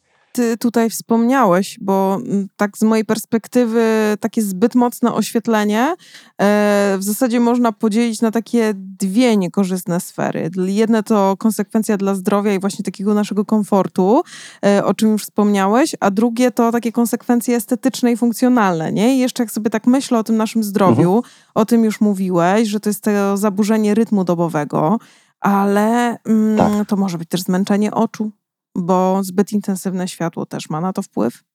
Y, Może być i tu, i tu chodzi też o zmianę tych kontrastów. Bardzo nie, nie lubimy, gdy odwracając wzrok, przenosząc go, czy przenosząc się razem z naszym wzrokiem w inne pomieszczenie, mamy te przeskoki w y, ilości Mhm. światła, bo te bardzo nagłe zmiany ilości światła powodują, że oko właśnie musi się dostosowywać. Jest to nieprzyjemny proces, męczący też. No to, a to z kolei wywołuje stres i napięcie. No dokładnie tak. Y, No i wiesz, no, tak naprawdę myślmy o oświetleniu właśnie y, w taki sposób, żeby ono wspierało nas w naszych aktywnościach. Y, I podporządkowujmy wybór oświetlenia właśnie, właśnie temu, co ma, zaczyna mieć znowu znaczenie. Dziś jak nagrywamy, ja widzę przez okno, dzień jest Mhm. pochmurny, więc już zaczynam z tyłu głowy czuć, że zbliżają się te cudowne miesiące, kiedy większość swojego dnia spędzę w Tak. sztucznym świetle i wszyscy ludzie wokół mnie. I teraz to, co mnie martwi, to to, że część tych ludzi, których spotkam na swojej drodze przez jesienne i zimowe miesiące, że oni u siebie w domu mają złe światło wieczorem, które sprawia, że oni są potem wkurzeni, a to się już odbija na moim Mhm. komforcie życia. A mówię o tym dlatego, bo lubię zaglądać ludziom w okna. No i zobacz, co ludzie mają wieczorem. Co Mhm. oni sobie robią? Naparzando. światło? Niebieskie, intensywne, jak, jakby tam się odbywała właśnie jakaś operacja na otwartym sercu, Mhm. nie wiem. Y, Kiedy my wieczorem, po całym dniu w robocie na przykład, y, stresującym, chcemy się zrelaksować. A do relaksu potrzeba zupełnie innego światła niż do pobudzenia. Czym mam nadzieję, że też jeszcze Coś dzisiaj pogadamy. e, powiemy. Tak, tak, tak. Jeszcze to intensywne światło, już tak właśnie z perspektywy takiej e, estetycznej, to ono chyba też trochę zniekształca kolory, nie? To tu wchodzimy w taką rzecz, że najlepiej kolory oddaje słońce. Ono ma współczynnik oddawania barw CRI, Color Rendering Index 100. I teraz wszystkie źródła Mhm. światła któ- sztuczne też mają CRI jakieś. Określenie tego CRI polega na porównaniu, jak te sztuczne światło, jak to sztuczne światło od- odwzorowuje kolory w porównaniu ze słońcem. Określa się, że powyżej 90, 90 i więcej to już jest dużo, to już jest dobry efekt. Bardzo dobry. Ja się tego trzymam. Ale e, y, CRI 100 ma słońce w południe, jak ma temperaturę barwową 5,5 tysiąca, tysiąca kelwinów i ma o zachodzie słońca, jak ma 2500 kelwinów i jest Mhm. pomarańczowe. Ale kolory w tym świetle wyglądają kompletnie inaczej niż w południe.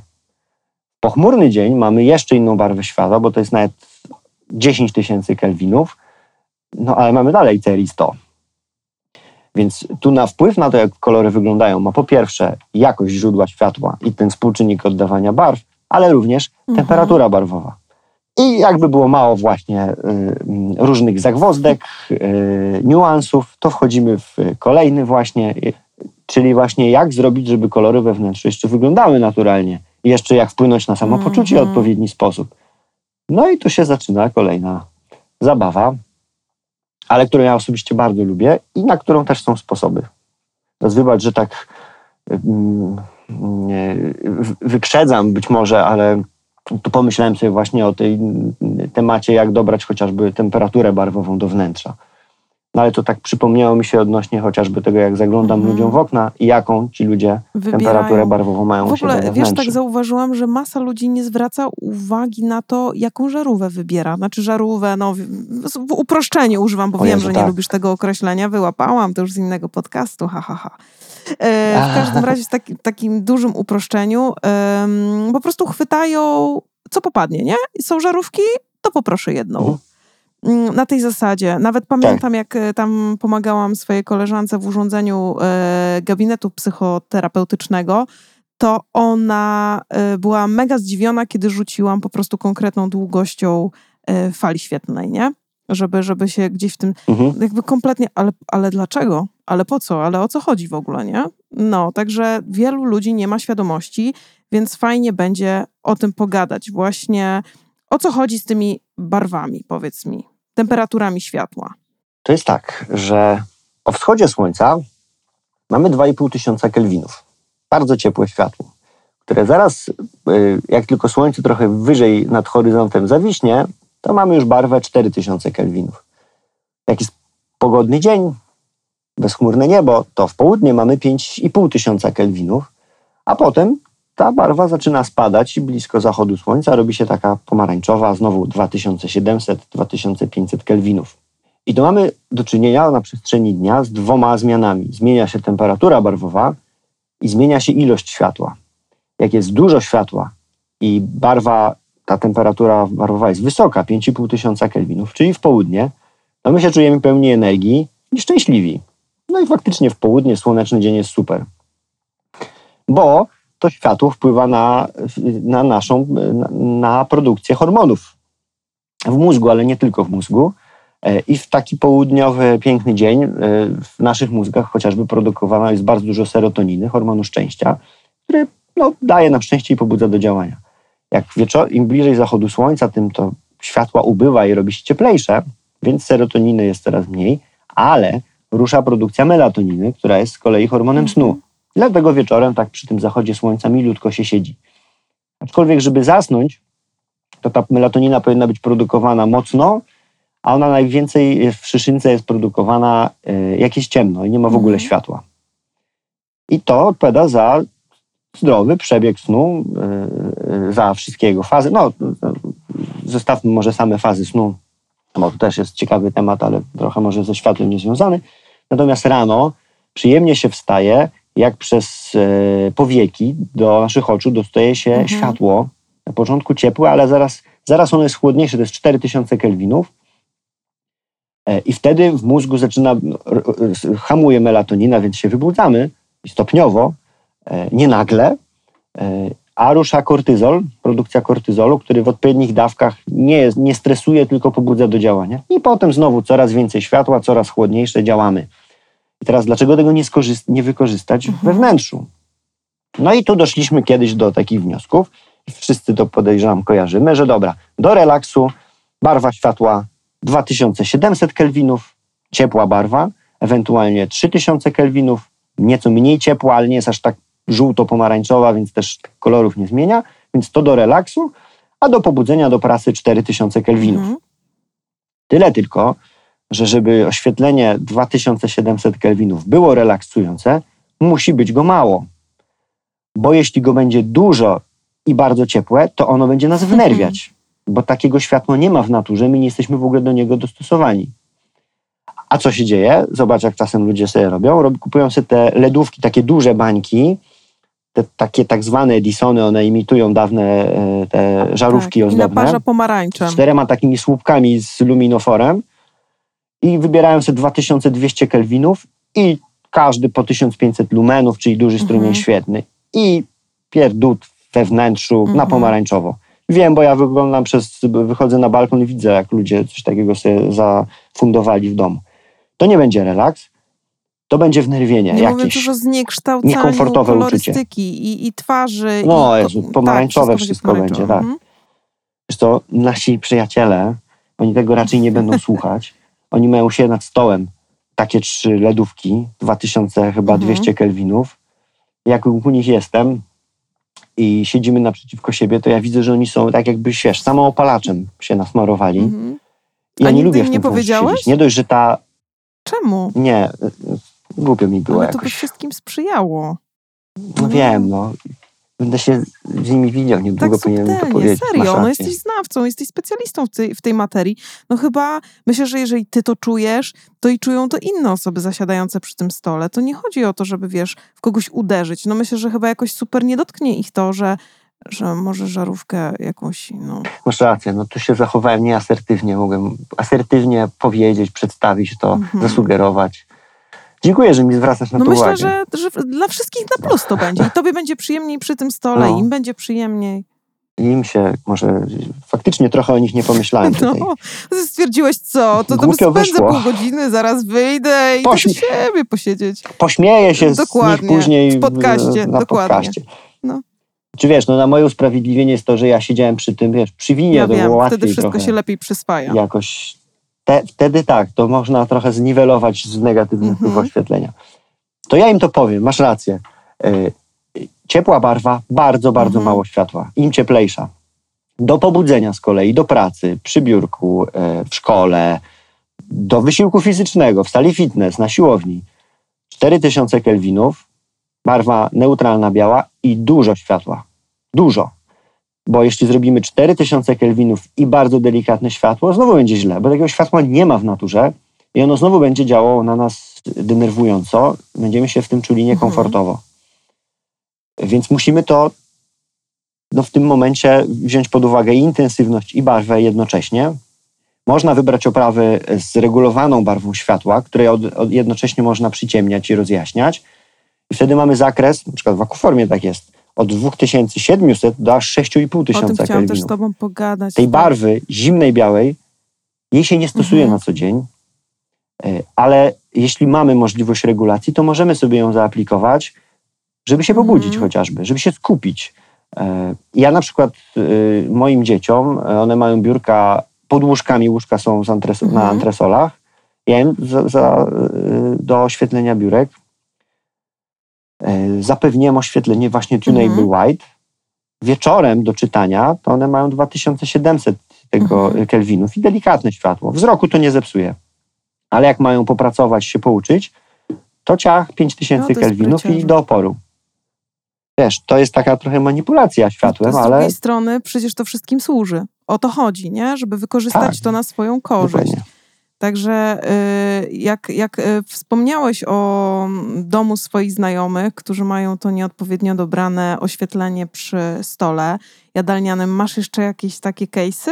Bo ja na przykład, słuchaj, myślę o restauracjach. Już o tym wspomnieliśmy, nie? Że Mhm. zdarza się, że ktoś przepięknie urządzi to wnętrze. Tam są i tkaniny, i faktury, e, i piękne meble, i wszystko się zgadza, ale kurka, siedzisz tam i myślisz, no nie, coś tu mi śmierci. Nie gra mi to po prostu, nie? Tak. I ja wiem, że to jest światło. Po prostu wiem, bo na przykład dowalili niebieskie światło. Tak. m, Bywa tak, że światło jest y, zimne. W ogóle, ja w ogóle do takich nie Mhm. wchodzę. Nawet jeśli to jest kebab. Mhm. Nie jesz przy niebieskim świetle. No. to nie mam, mam swoje, tak, mam No. pryncypia, wiesz, priorytety w życiu i, y, i tutaj jest to Mhm. jed- jeden z nich. No, więc y, tu muszę, mm, muszę, muszę o tym y, priorytecie komuś Mhm. opowiedzieć, komu opowiadałem o priorytetach życiowych. Dobrze, że tu sobie to... Ten pominąłem, zapomniałem, a to ważna rzecz. Tak, to bywa tak, że jest y, bardzo chłodne światło i mocne. Bywa tak, że jest cała masa tych właśnie ledówek takich z tymi czterema świecącymi słupkami pokrytymi luminoforem. To, to się nazywany jest filament. No takie te niby Edisony, ale... I na przykład one są dramatyczne, bo one jak nie są bardzo, bardzo słabe, nie mają raptem 200 lumenów, tylko więcej, to one zawsze rażą, zawsze Mhm. świecą w oczy. I to jest bardzo nieprzyjemne. Jeśli masz dużo takich źródeł, które trafiają ci w oczy niepotrzebnie, to to też powoduje, powoduje rozdrażnienie. E, A to jest, no to jest kompletnie bez sensu w ten sposób komuś Mhm. świecić. Więc to jest bardzo częsta y, sytuacja. Jeszcze tak jak myślę o restauracjach, to co mi przeszkadza, No czasem też jest tak, że masz nad stołem oprawę y, wiszącą, ale dającą wąski kąt świecenia, na wąskim kącie świecenia, która przepala sam środek stołu i ten środek jest no, przepalony Mhm. światłem, a reszta jest w To cieniu. już mówiłeś, że ten wzrok To może wyglądać nastrojowo. Tak, tak. Albo wręcz odwrotnie. Bywa też tak, że masz oprawę z przesłoną nad stołem, która zamiast dać efekt pewnej przytulności, pewnego właśnie takiego teatralności, że ten stół jest Mhm. najważniejszy, to świeci ci światłem wszędzie Tak. dookoła też. To jest dobre światło, jak chcesz pracować Tam i nie mieć na przykład tak, żeby ręce nie rzucały cieni i masz takie miękkie światło intensywne na blacie. Mhm. To tak. A ja do jedzenia nie potrzebuję. Jak ja idę do knajpy, to ja to też umawiamy się tutaj na pewne zaufanie, że ja wiem, że ja nie muszę szukać, nie wiem, włosów, petów w jedzeniu. Ja mogę śmiało sobie jeść i ja nie muszę mieć tu światła, które jakoś bardzo mi to, wiesz, całej masy światła Mhm. na ten talerz. Yy, I bywa, no, kojarzę takie miejsca, na przykład, że byłem w restauracji hotelowej. Przy jednym stole jest taki właśnie bardzo mocna oprawa świecąca na sam środek stołu tylko, ale z drugiej taka oprawa z jakąś yy, dająca to dużo bardziej miękkie światło, ale dalej nie rażąca, no to ja od razu wiem, gdzie ja Mhm. usiądę.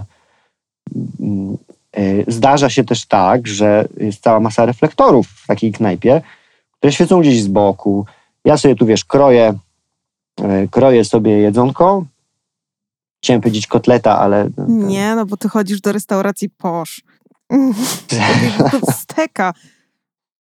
Steka sobie tak, kroisz. muszę trochę wy, wykreować tutaj siebie, tak. Nie będę mówił, że chodzę do, kotleta? na, no? na, na pi- pi- pięć smaków tam kurczaka i no i faktycznie, no przypominam sobie konkretną znowu śniadanie w restauracji, gdzie jedząc je o siódmej zimą, no jest ciemno, yy, więc doświadczałem Mhm. tego bardziej, gdzie wiesz, gdzie ten reflektor świeci mi gdzieś z boku w talerz i ja rzucam ręką cień yy, palcami na ten Tak. talerz, wszystko wokół, odwrócę się i widzę ten reflektor Mhm. świecący mi w oczy, patrzę przed siebie, pamiętam tę scenę, bo robiłem też zdjęcie, bo ja zawsze wszędzie robię zdjęcia później e, złego Mhm. oświetlenia.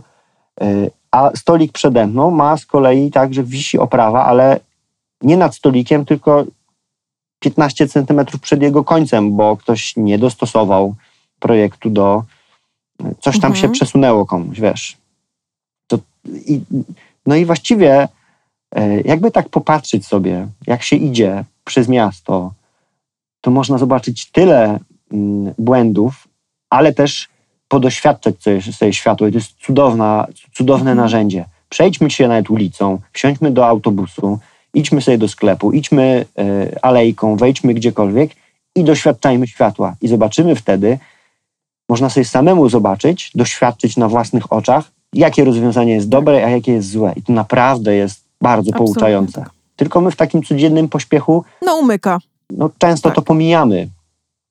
A jest naprawdę mnóstwo smaczków, y, y, mnóstwo y, takich często zabawnych sytuacji. Ja je sobie zapamiętuję i jest mi później łatwiej. Ja, jak sam tego doświadczyłem i świadomie postałem sobie na przykład w takim świetle, to ja już potem pamiętam, na co zwrócić uwagę, czego unikać. Tak, tylko ty, ty jesteś świrem na tym punkcie, nie? Więc No tylko, że ja jestem no, świrem. nie wszyscy tak. tak. mają, ale generalnie no, warto trzymać się kilku prostych zasad, jeżeli już naprawdę no, światło nas tak aż nie pochłania i nie pragniemy się y, koncentrować na tym w każdym możliwym wnętrzu, to myślę, No że warto pamiętać, że w biurze, tam gdzie mamy się skupić, gdzie naprawdę wymagana jest od nas koncentracja, sięgamy po y, zimne światło albo te neutralne światło, Neutralne, białe, dokładnie, tam bo 4000 to był kelwinów. częsty błąd y, podczas COVID-u, nie? Że du- dużo ludzi pracowało z domu, miało to mięciutkie, cieplutkie światełko gdzieś tam y, i, i zaczynało Aha. przy tym pracować i odlatywało, no bo ciężko się przy czymś takim skupić. Druga rzecz, na którą bym uważała, to sypialnie z białym światłem. To też słaby pomysł generalnie, chyba że mamy tam właśnie możliwość sterowania, że rano tak, to bialutkie, ale tak wieczorem to już niekoniecznie, nie? No i tu No. powiem ci, że y, Że, Że nie. nie. Utrudnię No. to teraz. Powiem ci o co mi chodzi. Wyobraź sobie gabinet na przykład. Weźmy na warsztat Mhm. gabinet. Do pracy. Ale w Mieszka- mieszkaniu, no bo w głównie mieszkaniu, gadamy domu. o mieszkaniach Tak. no i domach. No. I teraz do pracy, no to oprawa nad stołem, Mhm. nad biurkiem 4000 kelwinów, albo nawet jakaś Mhm. tunable white, tak, żeby można było dać więcej, ale załóżmy, że nie tunable white, po prostu odpowiednia barwa. Najczęściej stosujemy trzy barwy, jeszcze Mhm. tak przypomnijmy. 2700, 2700 kelwinów, światło ciepłe, białe, takie jak dawały kiedyś zwykłe Mhm. żarówki, albo 3000 kelwinów, wciąż ciepłe, ale nie aż tak. To było światło typowe z halogenów i 4000 kelwinów, barwa neutralna biała, czyli taka chłodniejsza trochę. Takie światło daje na przykład y, Mhm. księżyc w pełni. Y, I to jest światło, jak jest go dużo, jest pobudzające. No dobra, i mamy w gabinecie, robimy 4000 kelwinów do pracy. Tylko intensywne. No ale jak ja mam w gabinecie y, dębową ścianę, całą furnirę i jeszcze obok dębowy regał, to jak ja go oświetlę 4000 kelwinów, to on w tym świetle będzie wyglądał Uff. źle. Bo ciepłe materiały w chłodniejszym świetle gorzej wyglądają. To wynika z tego, że w, ciep- w chłodniejszym świetle ja mam bardzo mało barwy Mhm. czerwonej, a bardzo Tak. dużo niebieskiej. Tej, którą interpretuje mój Mhm. mózg jako niebieską.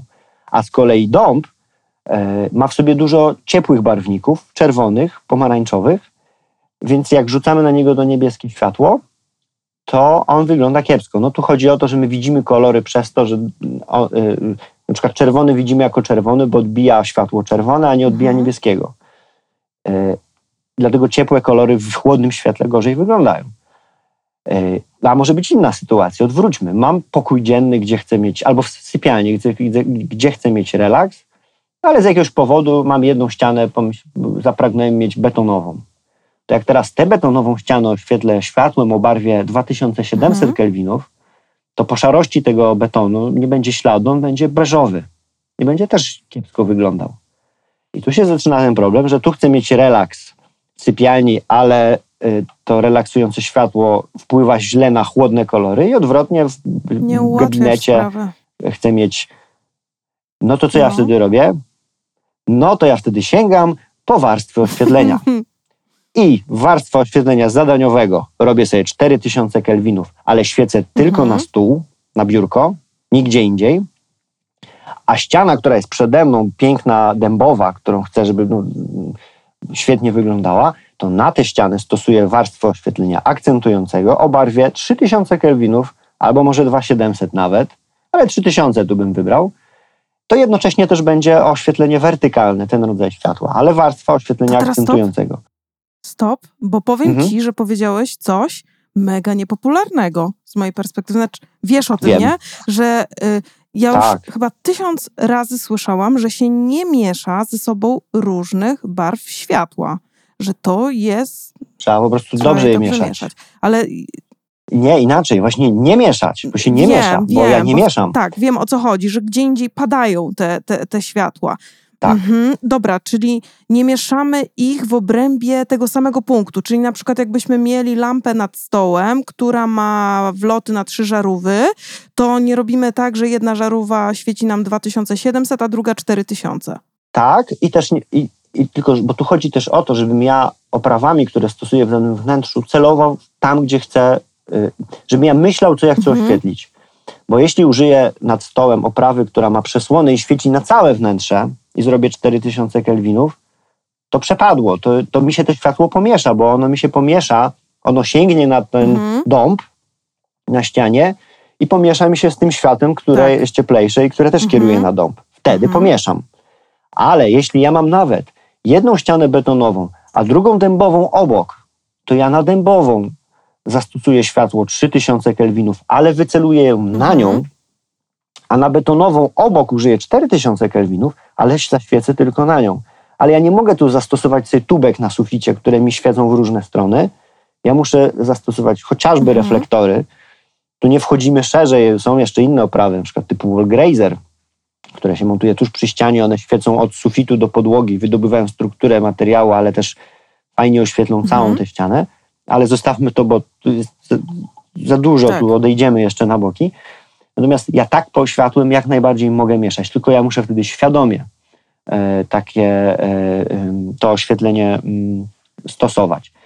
Inny przykład, salon, raczej ciepła barwa, ale ja mam czarno-białe grafiki na ścianie. No to jak ja użyję na tę ścianę, na te grafiki 3000 kelwinów, to biel będzie kremowo taka Mhm. żółta, pomarańczowa. Szarość też przestanie być szarością. Ale wiesz, kolorowy obraz. Jak nie chcę, żeby był, żeby był przełamany za bardzo ciepły, to ja powinienem użyć właśnie barwy neutralnej białej 4000 kelwinów Mhm. do obrazu. Nawet jeśli jest to salon, który jest przeznaczony raczej Tak. do relaksu. Ale ja, ale ja y, te 4000 kelwinów wybieram, bo ja oświetlam tylko te obrazy, nic Mhm. więcej. I w ten sposób, jak ja sobie uporządkuję oświetlenie, warstwami oświetlenia, myślę o tym, co chcę daną oprawą oświetlić, myślę o oświetleniu wertykalnym czy horyzontalnym, to wtedy jest mi łatwiej właśnie też operować tymi barwami światła. Okej. No i, i dlatego, a wiesz, to też jest jak w, w ogóle w życiu, my lubimy proste odpowiedzi na trudne tematy, więc Mhm. e, jak żyć, o- odżywiać się zdrowo, jeść dużo Mhm. jarmużu, tak?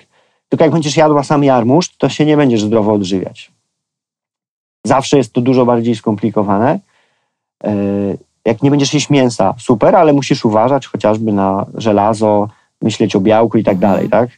Yy, Jedni mówią, że nie jedz owoców wieczorem, bo to niezdrowe, inni nie pij kawy, bo wypłukuje magnez, a to jest zawsze bardziej skomplikowane. Kawę masz pić, bo magnezu nie wypłukuje, tylko kofeina, a magnezu jest super źródłem magnezu. Ale zawsze szukamy najprostszych rozwiązań i często to jest wypłaszczenie, uproszczenie i często Mhm. przekłamanie. Tak jest również z oświetleniem i z tymi barwami światła. Ja kiedyś też powtarzałem, że nie można mieszać barw, że jak jest 3000 w salonie, to jest tylko Mhm. 3000. No wiesz, no i każde pomieszczenie, jakiego nie sięgniesz. Yy, yy, w sypialni masz na przykład toaletkę do i, i miejsce do makijażu chociażby. No to musisz mieć tam 4000 kelwinów, Mhm. nie 3, nie 2700. W łazience do oświetlenia lustra jak konkretna barwa, chociaż też można tu dyskutować, ale w łazience może chcesz też, po, czy chcesz wziąć y, rano prysznic, jest ciemno, masz ciemną łazienkę, chcesz się pobudzić, no to raczej dużo światła i Tak. chłodnego, a chcesz wieczorem wziąć kąpiel i się nie wybudzać, niepotrzebnie nie pobudzać, to ciepłe światło i bardzo mało światła. Ale jak jeszcze do tego dochodzi to, że masz kolej, konkretne materiały we wnętrzach, dobierałaś przez trzy tygodnie z inwestorami na przykład, żeby był marmur jakiś ładny, bielusieńki z taką szaruteńką żyłą, żeby tam nie było ani mililitra y, y, jakiegoś beżowego barwnika, ale chcesz, żeby to było wnętrze, w którym będzie, relaksująca atmosfera, no to jak użyjesz trzech- 2700 kelwinów, to ten marmur już nie będzie biały, tylko będzie żółto-kremowy. Y, I znowu, to akurat łazienka jest trudnym tutaj pomieszczeniem, bo ale wtedy można pomyśleć, jak oświetlić tylko ten marmur, na, żeby on był biały, a y, do nastroju wtedy użyć warstwy oświetlenia dekoracyjnego, które jest bardzo ciepłe, jest go bardzo mało, ale on jest używany wtedy kiedy indziej. No i takich, i właściwie gdzie nie sięgnąć, to jest to samo. Ale na przykład kinkiet do czytania w sypialni. Ja uważam, że najlepsza jest barwa 2700 kelwinów i bardzo Mhm. mało światła, bo ja lubię, jak czytam wieczorem w sypialni, to że lubię sobie przysnąć z tą Mhm. książką. Ale jeśli ktoś lubi, on ma ochotę czytać y, do drugiej w nocy, no to on potrzebuje światła 4000 kelwinów i intensywniejszego, bo przy delikatnym ciepłym będzie No, usypiał. Tak, tak. No i tak, i tak właściwie co, czego nie ruszyć, to jest Tu jest ta indywidualizacja, no nie, o której mówiliśmy. Właśnie spojrzenie na człowieka yy, w sposób indywidualny, a nie o, większość ludzi najlepiej jak będzie czytała przy takiej takiej długości fali świetlnej, nie? Albo przy takiej barwie. E, No, więc tutaj trzeba wybadać właśnie, czy ktoś na przykład studiuje do późnych godzin e, nocnych i po prostu musi być e, turbo skupiony podczas tego, bo na przykład następnego dnia są kolokwia, no to tam to zimniutkie, czy tam to neutralne światło, Oj, spoko. Ale tak jak mówisz, jak my już większość, większość ludzi chce już sobie tak powolutku mm, zasypiać, no to mm, absolutnie, absolutnie, bo po prostu tylko się rozbudzimy. A mogę to jeszcze skomplikować? Proszę. Dawaj. Przepraszam z góry wszystkich słuchaczy. Jedziemy, przepraszam, no. Jedziemy nad Morze Mhm. Śródziemne. I co się okazuje, że tam w knajpie albo w każdym apartamencie jest 4000 kelwinów Mhm. na wieczór. Albo nawet chłodniejsze Mhm. światło. No bo tak tam jest. Bo tam jest tyle światła w ciągu dnia latem, tak mocne, y, ale jest też tak bardzo gorąco, że wieczorem chcemy mieć Mhm. poczucie chłodu. Tam są inne potrzeby, bo to jest inna e, no, inne miejsce na świecie. Tak, oni żyją naprawdę. troszkę innej rzeczywistości Szerokość czy długość geograficzna. Mhm. Tak, i to jest tak, że nawet na przykład rozmawiałem z, e, z działem handlowym Mhm. Akuform właśnie, e, który ma też, sprzedaje oprawy w ogóle w Europie i sporo na świecie.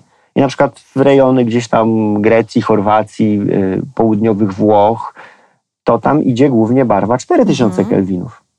W Polsce gro opraw to jest 3000 kelwinów.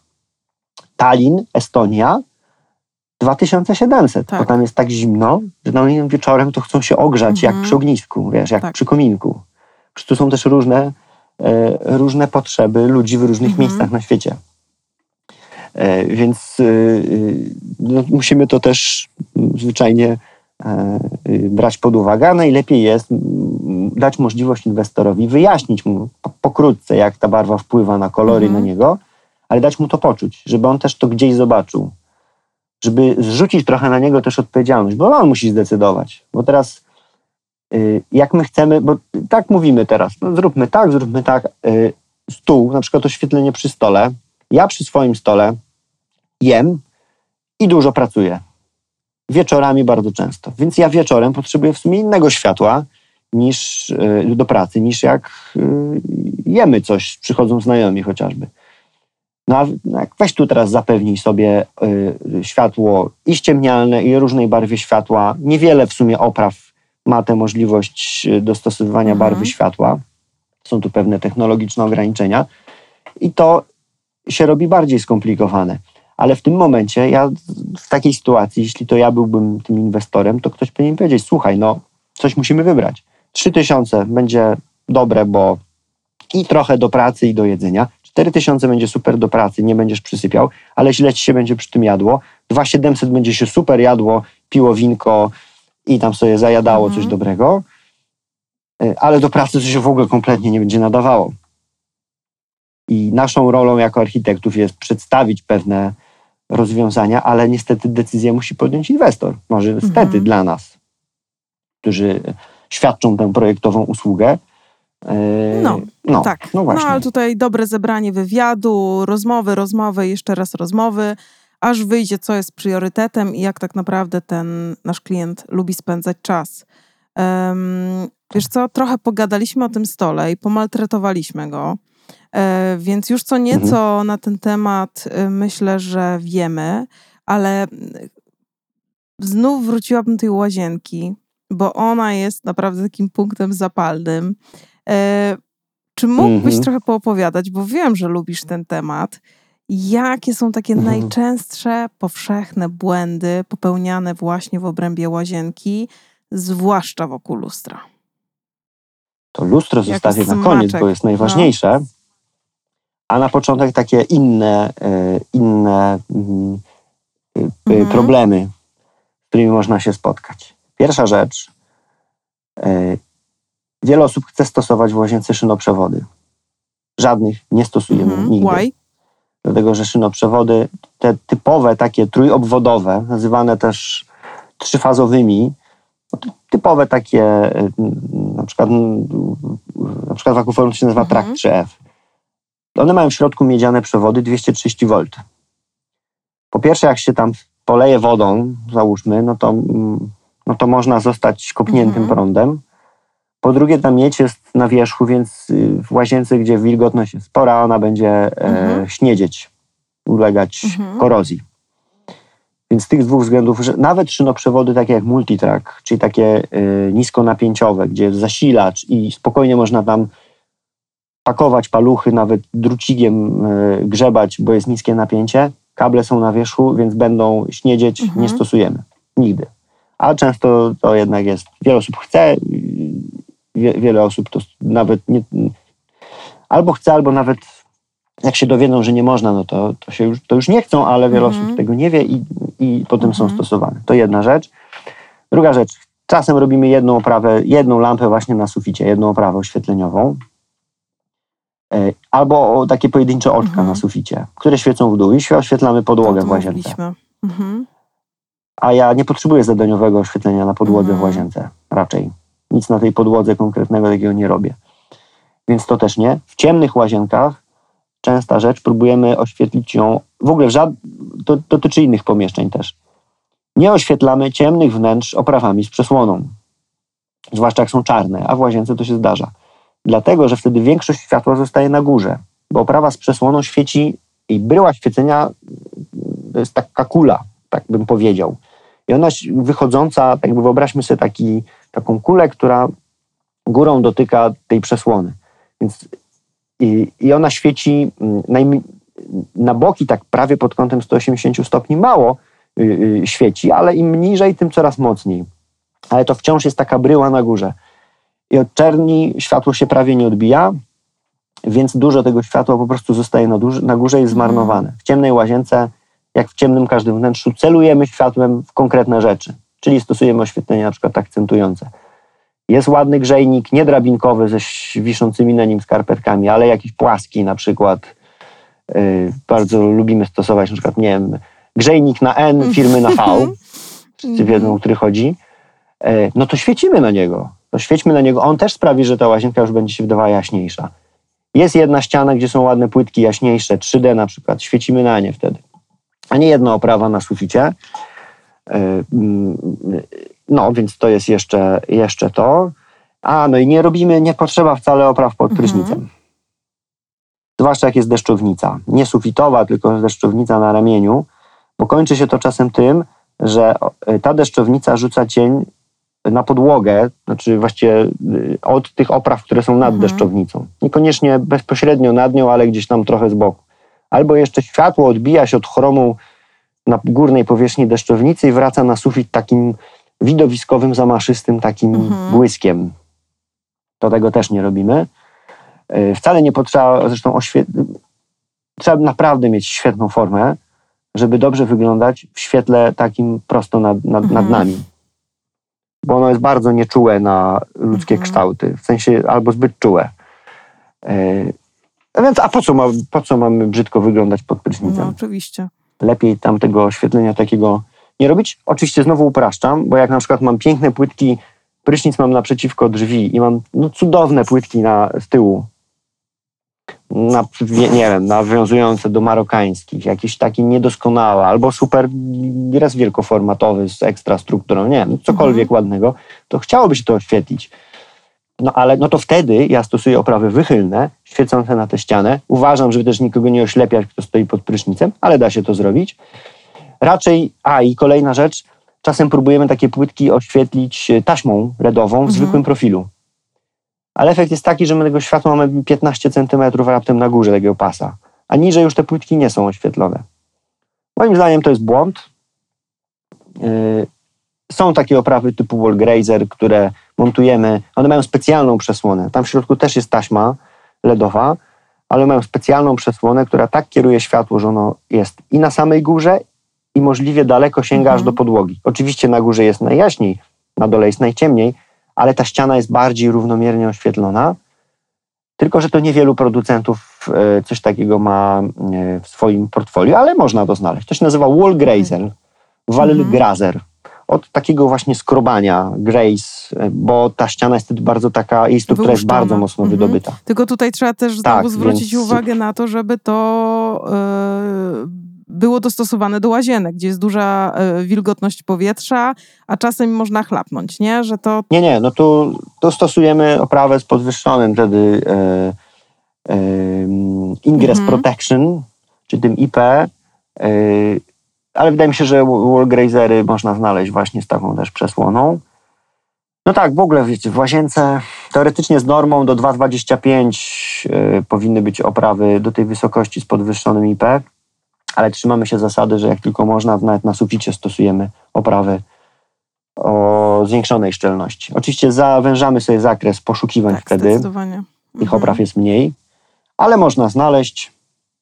Yy, yy, no i będzie bezpieczniej. No. A jeszcze jak sobie tak myślę o tych tak. błędach, bo ich wymieniłeś tutaj masę i zgadzam się z każdym, to jeszcze bym zagaiła do tego, co mówiłeś wcześniej, czyli e, o tym, żeby mhm. przygotować jakieś e, światło nocne takie, które właśnie nas nie porazi.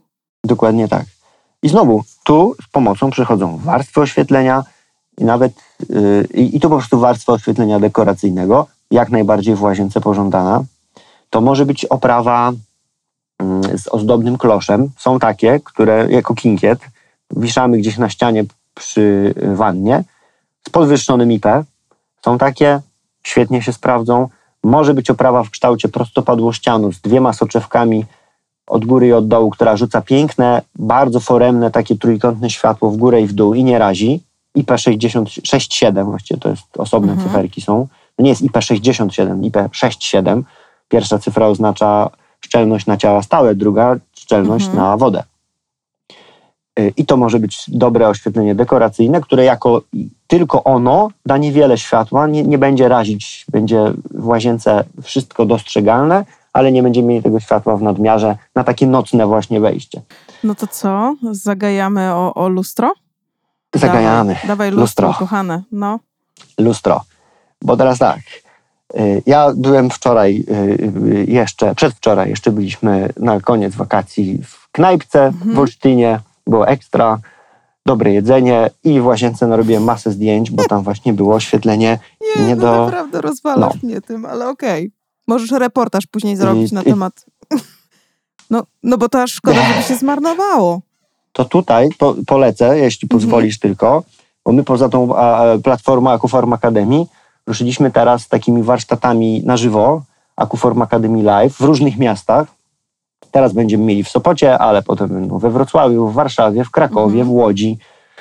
Yy, To na stronie Akuform będą też informacje na ten temat, gdzie mówimy o tym właśnie, jak oświetlać wnętrze i tak dalej. Ja tam będę też pokazywał zdjęcia moje y, z różnych miejsc właśnie i chociażby to myślę, że też pokażę, jak nie projektować oświetlenia. Więc jak ktoś chce to zobaczyć, to zachęcamy do Mhm. wzięcia udziału w Mhm. warsztatach. To zdjęcie, o którym mówię. Y, zobaczyć tak y, świra robiącego zdjęcia w łazience. Mhm. Yy, No ale wracając do tego, yy, oświetlenie łazienki, yy, lustra, to właściwie to nie jest oświetleniem lustra, tylko powinno być oświetleniem twarzy patrzącej Mhm. w lustro. Więc jest to oświetlenie zadaniowe. I ono musi być odpowiednio intensywne i ma tak oświetlić twarz, żeby ona była równomierna, żebyśmy mogli się nią należycie zająć. Wzorem są tutaj e, lustra w make-up, make-up roomach telewizyjnych lub w garderobach Mhm. teatralnych. Czyli mam rząd, y, właściwie mam dookoła lustra y, klosze okrągłe z mocnym światłem, bardzo rozproszonym. Ja tego światła wtedy trochę marnuję na boki, ale bardzo dużo go dociera do twarzy z każdej strony. Z dołu, z góry i z Mhm. boków. I na tej twarzy nie ma cieni, y, łuki brwiowe nie rzucają cieni na oczy, nos nie rzuca cieni na, Na broda? na brodę, na górną wargę i ta twarz wygląda ładnie przy okazji. I żeby coś, więc idealnie oświetlenie lustra to byłoby powielenie tego schematu garderoby teatralnej, ale oczywiście no, nie zawsze nam to pasuje do koncepcji wnętrza. Drugą zbliżoną do tego, y, pierwszym zbliżonym do tego rozwiązaniem jest zastosowanie dwóch świecących kul po dwóch stronach lustra. I testowałem to akurat na oprawach Akuform. Y, klosze, które nie rażą, ale dają dużo światła, to też nie jest Mhm. takie proste. To musi być dobry klosz i dobra oprawa. Wysoki współczynnik oddawania barw, też jest szalenie ważne, żeby dobieram y, kolory, nie wiem, cieni do powiek chociażby, dobieram kolory szminki, y, dobieram, no tu powinienem rzucić teraz trochę jakichś y, fachowych określeń i wychodzi tutaj moje Mhm. nieprzygotowanie. No ale kto używa, ten wie o co chodzi. Po to, żeby te kolory faktycznie były właściwe. I te dwa klosze po dwóch stronach lustra super się sprawdzą, ale jeden klosz po jednej stronie lustra tylko, albo dwa klosze po jednej stronie lustra, a żadnego po drugiej się już nie Mhm. sprawdzą, bo ta twarz będzie oświetlona nierównomiernie. Więc ważna jest akurat w tym jednym miejscu we wnętrzu, ważna jest symetria. Ja lubię symetrię, w, ona się sprawdza w kościołach Mhm. i sprawdza się w łazience. Ja, tak poza tym ja nie lubię symetrii, wolę Mhm. asymetrię. We wnętrzu bardziej mi pasuje, bo tak to jest dla mnie trochę za górnolotna. Yy, Ale tu musi być. Inną opcją jest zastosowanie oprawy kinkietu, który jest nad lustrem, ale który świeci nie tylko w dół, ale świeci też do przodu najlepiej i jest możliwie długi. Po to, żeby też światło padało możliwie z A boków co też, to a nie znaczy tylko z góry. długi? To znaczy, że na przykład y, jeśli tylko mam miejsce, to stosuję 1,50 m. Oczywiście może się to komuś nie Mhm. podobać, taki długi. Ale jak zastosuję 40, to on będzie za krótki. To i tak będzie lepsze niż inne jeszcze rozwiązania, ale on sprawi, że chodzi o to, żeby uniknąć sytuacji, w której światło pada z góry e, na twarz tylko. To jest najgorszy efekt. Bo wtedy to też powielam ten, y, Mhm. ten tekst, ale on moim zdaniem jest bardzo dobrze oddaje o co chodzi. Jak mamy takie światło tylko z góry, uzyskujemy Mhm. efekt pandy. Czyli mamy ciemne oczy dookoła i jeszcze pod Tak. nosem mamy ciemno. I teraz trudno zwyczajnie wtedy o dobry makijaż, ale też zwyczajnie o zadbanie o twarz, o, o wiesz, nawet umycie się, wyciągnięcie Mhm. szpiochów Nie mówiąc już o o, tym, że rano. po prostu nie lubimy na siebie patrzeć wtedy w tym lustrze. O Jezu, właśnie, no, to jest strasznie ważna rzecz. Rano wstaję, przeglądam się w lustrze i niech to lustro, niech to światło będzie Mhm. łaskawe dla mnie. Niech ja się poczuję w nim dobrze. Jednak ten czas tak szybko nie leci, wiesz, żeby, no, żeby się Tak. trochę oszukać, że, że jest... Yy, i, no i tu potrzebuję równomierne Mhm. światło. Zapomniałem o jednym dobrym rozwiązaniu, to jest lustro z oświetleniem albo szafka lustrzana, ale tu uwaga, jest mnóstwo beznadziejnych szafek lustrzanych i luster Mhm. z oświetleniem, które dają bardzo mało światła. To musi być mocne światło, najlepiej w całym obrysie dookoła lustra, nawet i z dołu. Jak nie ma z dołu, to żeby było po bokach Mhm. chociaż, na całą wysokość tego lustra. To jest super, ale to ma być takie światło, które jak się odsunę o dwa metry, to ono może mnie razić. Ono być mocne. Jak będę przy lustrze, ono już mnie razić nie będzie, ale doświetli mi Mhm. dobrze twarz. I tu na przykład nie ma szafki, szukałem na rynku, nie masz dobrej szafki lustrzanej z dobrym oświetleniem, by, która by kosztowała mniej niż parę tysięcy, 6, proszę. 8. Te za 300 zł żadna się nie nadaje, te za 1000 żadna się nie nadaje. Mhm. Sprawdzałem, Mhm. szukałem. Chyba, że ktoś znalazł, ja nie znalazłem. E, Przy lustrach z oświetleniem, no to można i nawet polskich producentów znaleźć. Naprawdę niezłe, ale one mają świecić w przód. To ma nie być oświetlenie z lustra, bo wtedy to będzie warstwa oświetlenia dekoracyjnego.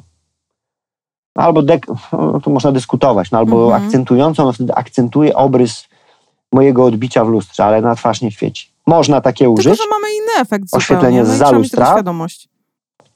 Niech ono sobie będzie, ale nie zapominajmy o oświetleniu Tak. zadaniowym. Chyba, że jest jeszcze jedna na to metoda. Nie trzeba robić oświetlenia przy lustrze pod jednym warunkiem. Że cała łazienka jest biała, Mhm. caluteńka. Bo wtedy i tak się światło tak porozbija, tak podbija, że i twarz będzie dobrze Okej. oświetlona. Jedyny przypadek. Czy dobrze, żeby to nie było oświetlenie tylko, nie wiem, jedna oprawa za mnie, no Mhm. też bez przesady, no ale jeśli użyjemy wtedy mm, kilku opraw na suficie, chociażby z przesłoną, to czy jednej dobrej z przesłoną, to ta twarz będzie dobrze oświetlona, ale tylko jeśli cała łazienka jest biała. A jeszcze na deser, no bo tutaj mówisz o lokalizacji, Mhm. nie? E, Konkretnych e, opraw Mhm. oświetleniowych. A światło, a w zasadzie jego kolorystyka? Aha, to jest tak, to jest dobre. Yy, No i tu jest kłopot taki, yy, że uważam, że moim zdaniem i sugeruję to najczęściej, że to będzie najbardziej odpowiednia będzie barwa 4000 Mhm. kelwinów. Czyli neutralne białe. Kolory zostają w miarę neutralne wtedy. Nie mamy tego ocieplenia niepotrzebnego. Właśnie neutralne nie są ocieplone, a te ciepłe nie są Mhm. jeszcze bardziej ocieplone. Natomiast tu wchodzimy w kwestię na przykład makijażu, jakie powinno być światło. Załóżmy, że masz, robisz jakiś mocniejszy makijaż i te kolory są tutaj mm, istotne. E, No to jeśli zrobisz ten makijaż w 4000 kelwinów, na zewnątrz w południe masz 5500 tysiąca Mhm. kelwinów, wieczorem podczas kolacji przy świecach będziesz miała 2700 albo 2500 Mhm. kelwinów. Więc tu zawsze można dyskutować, jakie Tak. światło powinno być lepsze. Opcją jest wybór oprawy z e, tunable white z możliwością regulacji w zakresie od 2700 kelwinów do 6500 Mhm. kelwinów. Albo użycie jeszcze lusterka takiego kosmetycznego na wysięgniku, takiego magnifying mirror z oświetleniem wokół. Natomiast no, ja, wiele osób tego nie lubi, bo to jest strasznie wredne e, lusterko z tym powiększeniem. Ono każdy, tak, każdy każdą niedoskonałość Mhm. wyciąga. Tak, i to jest, to jest trochę, ono jest No. nieczułe. Ja go na przykład nie lubię stosować czasem nam z inwestorami, o tym rozważaliśmy to. E, Ale jak ktoś no czasem najlepiej lubi się mieć do dojechać, dyspozy- to oczywiście zapraszamy. A oczywiście tak, perfekcjonista jakiś, który utrzymuje też tak. Natomiast potem trzeba pamiętać, że nikt nas takim nie będzie oglądał pod Tak. lupą z drugiej Ale strony, więc y, y, tak sobie pomyślałam, bo ym, powiedziałeś o tym, że to wyjściowe światło najlepiej, jak będzie miało 4000 kelwinów, bo ono jest właśnie takie neutralne. E, ale że trzeba właśnie zwrócić uwagę na to, jak tam, gdzie tam później będziemy przybywać. No ale wiesz, tego się nie da przewidzieć. No jak wychodzisz na nie spotkanie da o godzinie 16, a siedzisz do 24 ze znajomymi i przebywacie w różnych miejscach, tak. no to wydaje mi się, że ta, te 4000 jest takie Mhm. najbardziej, no nie wiem, uśrednione, tak? Tak, ale tu zawsze zostawiam pole, zostawiam decyzję inwestorom. Tylko oni mają zobaczyć, poczuć i zobaczyć się w świetle 3000 Mhm. kelwinów i 4. Niech zobaczą. Oczywiście nie jest to proste, nie zawsze się da. Ale wiesz, no ja miałem ten komfort, że ja po prostu brałem parę opraw ze sobą, przystawialiśmy Mhm. do ściany i na przykład ja mówiłem, że będzie 4000 lepsze, ale oni decydowali, że wolą 3000. Bo jednak no, czują, że lepiej się w tym czują. Mhm. To jest okej. E, Oczywiście no, nie każdy ma możliwość zwożenia sobie opraw do inwestora, ale wiesz, no, dystrybutorzy y, y, opraw oświetleniowych mają mnóstwo opraw u siebie. Warto wtedy nawet wysłać takiego inwestora, niech Mhm. sobie zobaczy. Oczywiście można się z nim spotkać i mu poopowiadać, popokazywać. Idealnie by było, jakby ktoś u dystrybutora w salonie takim oświetleniowym wszystko też wyjaśnił. I w dobrych salonach często tak jest.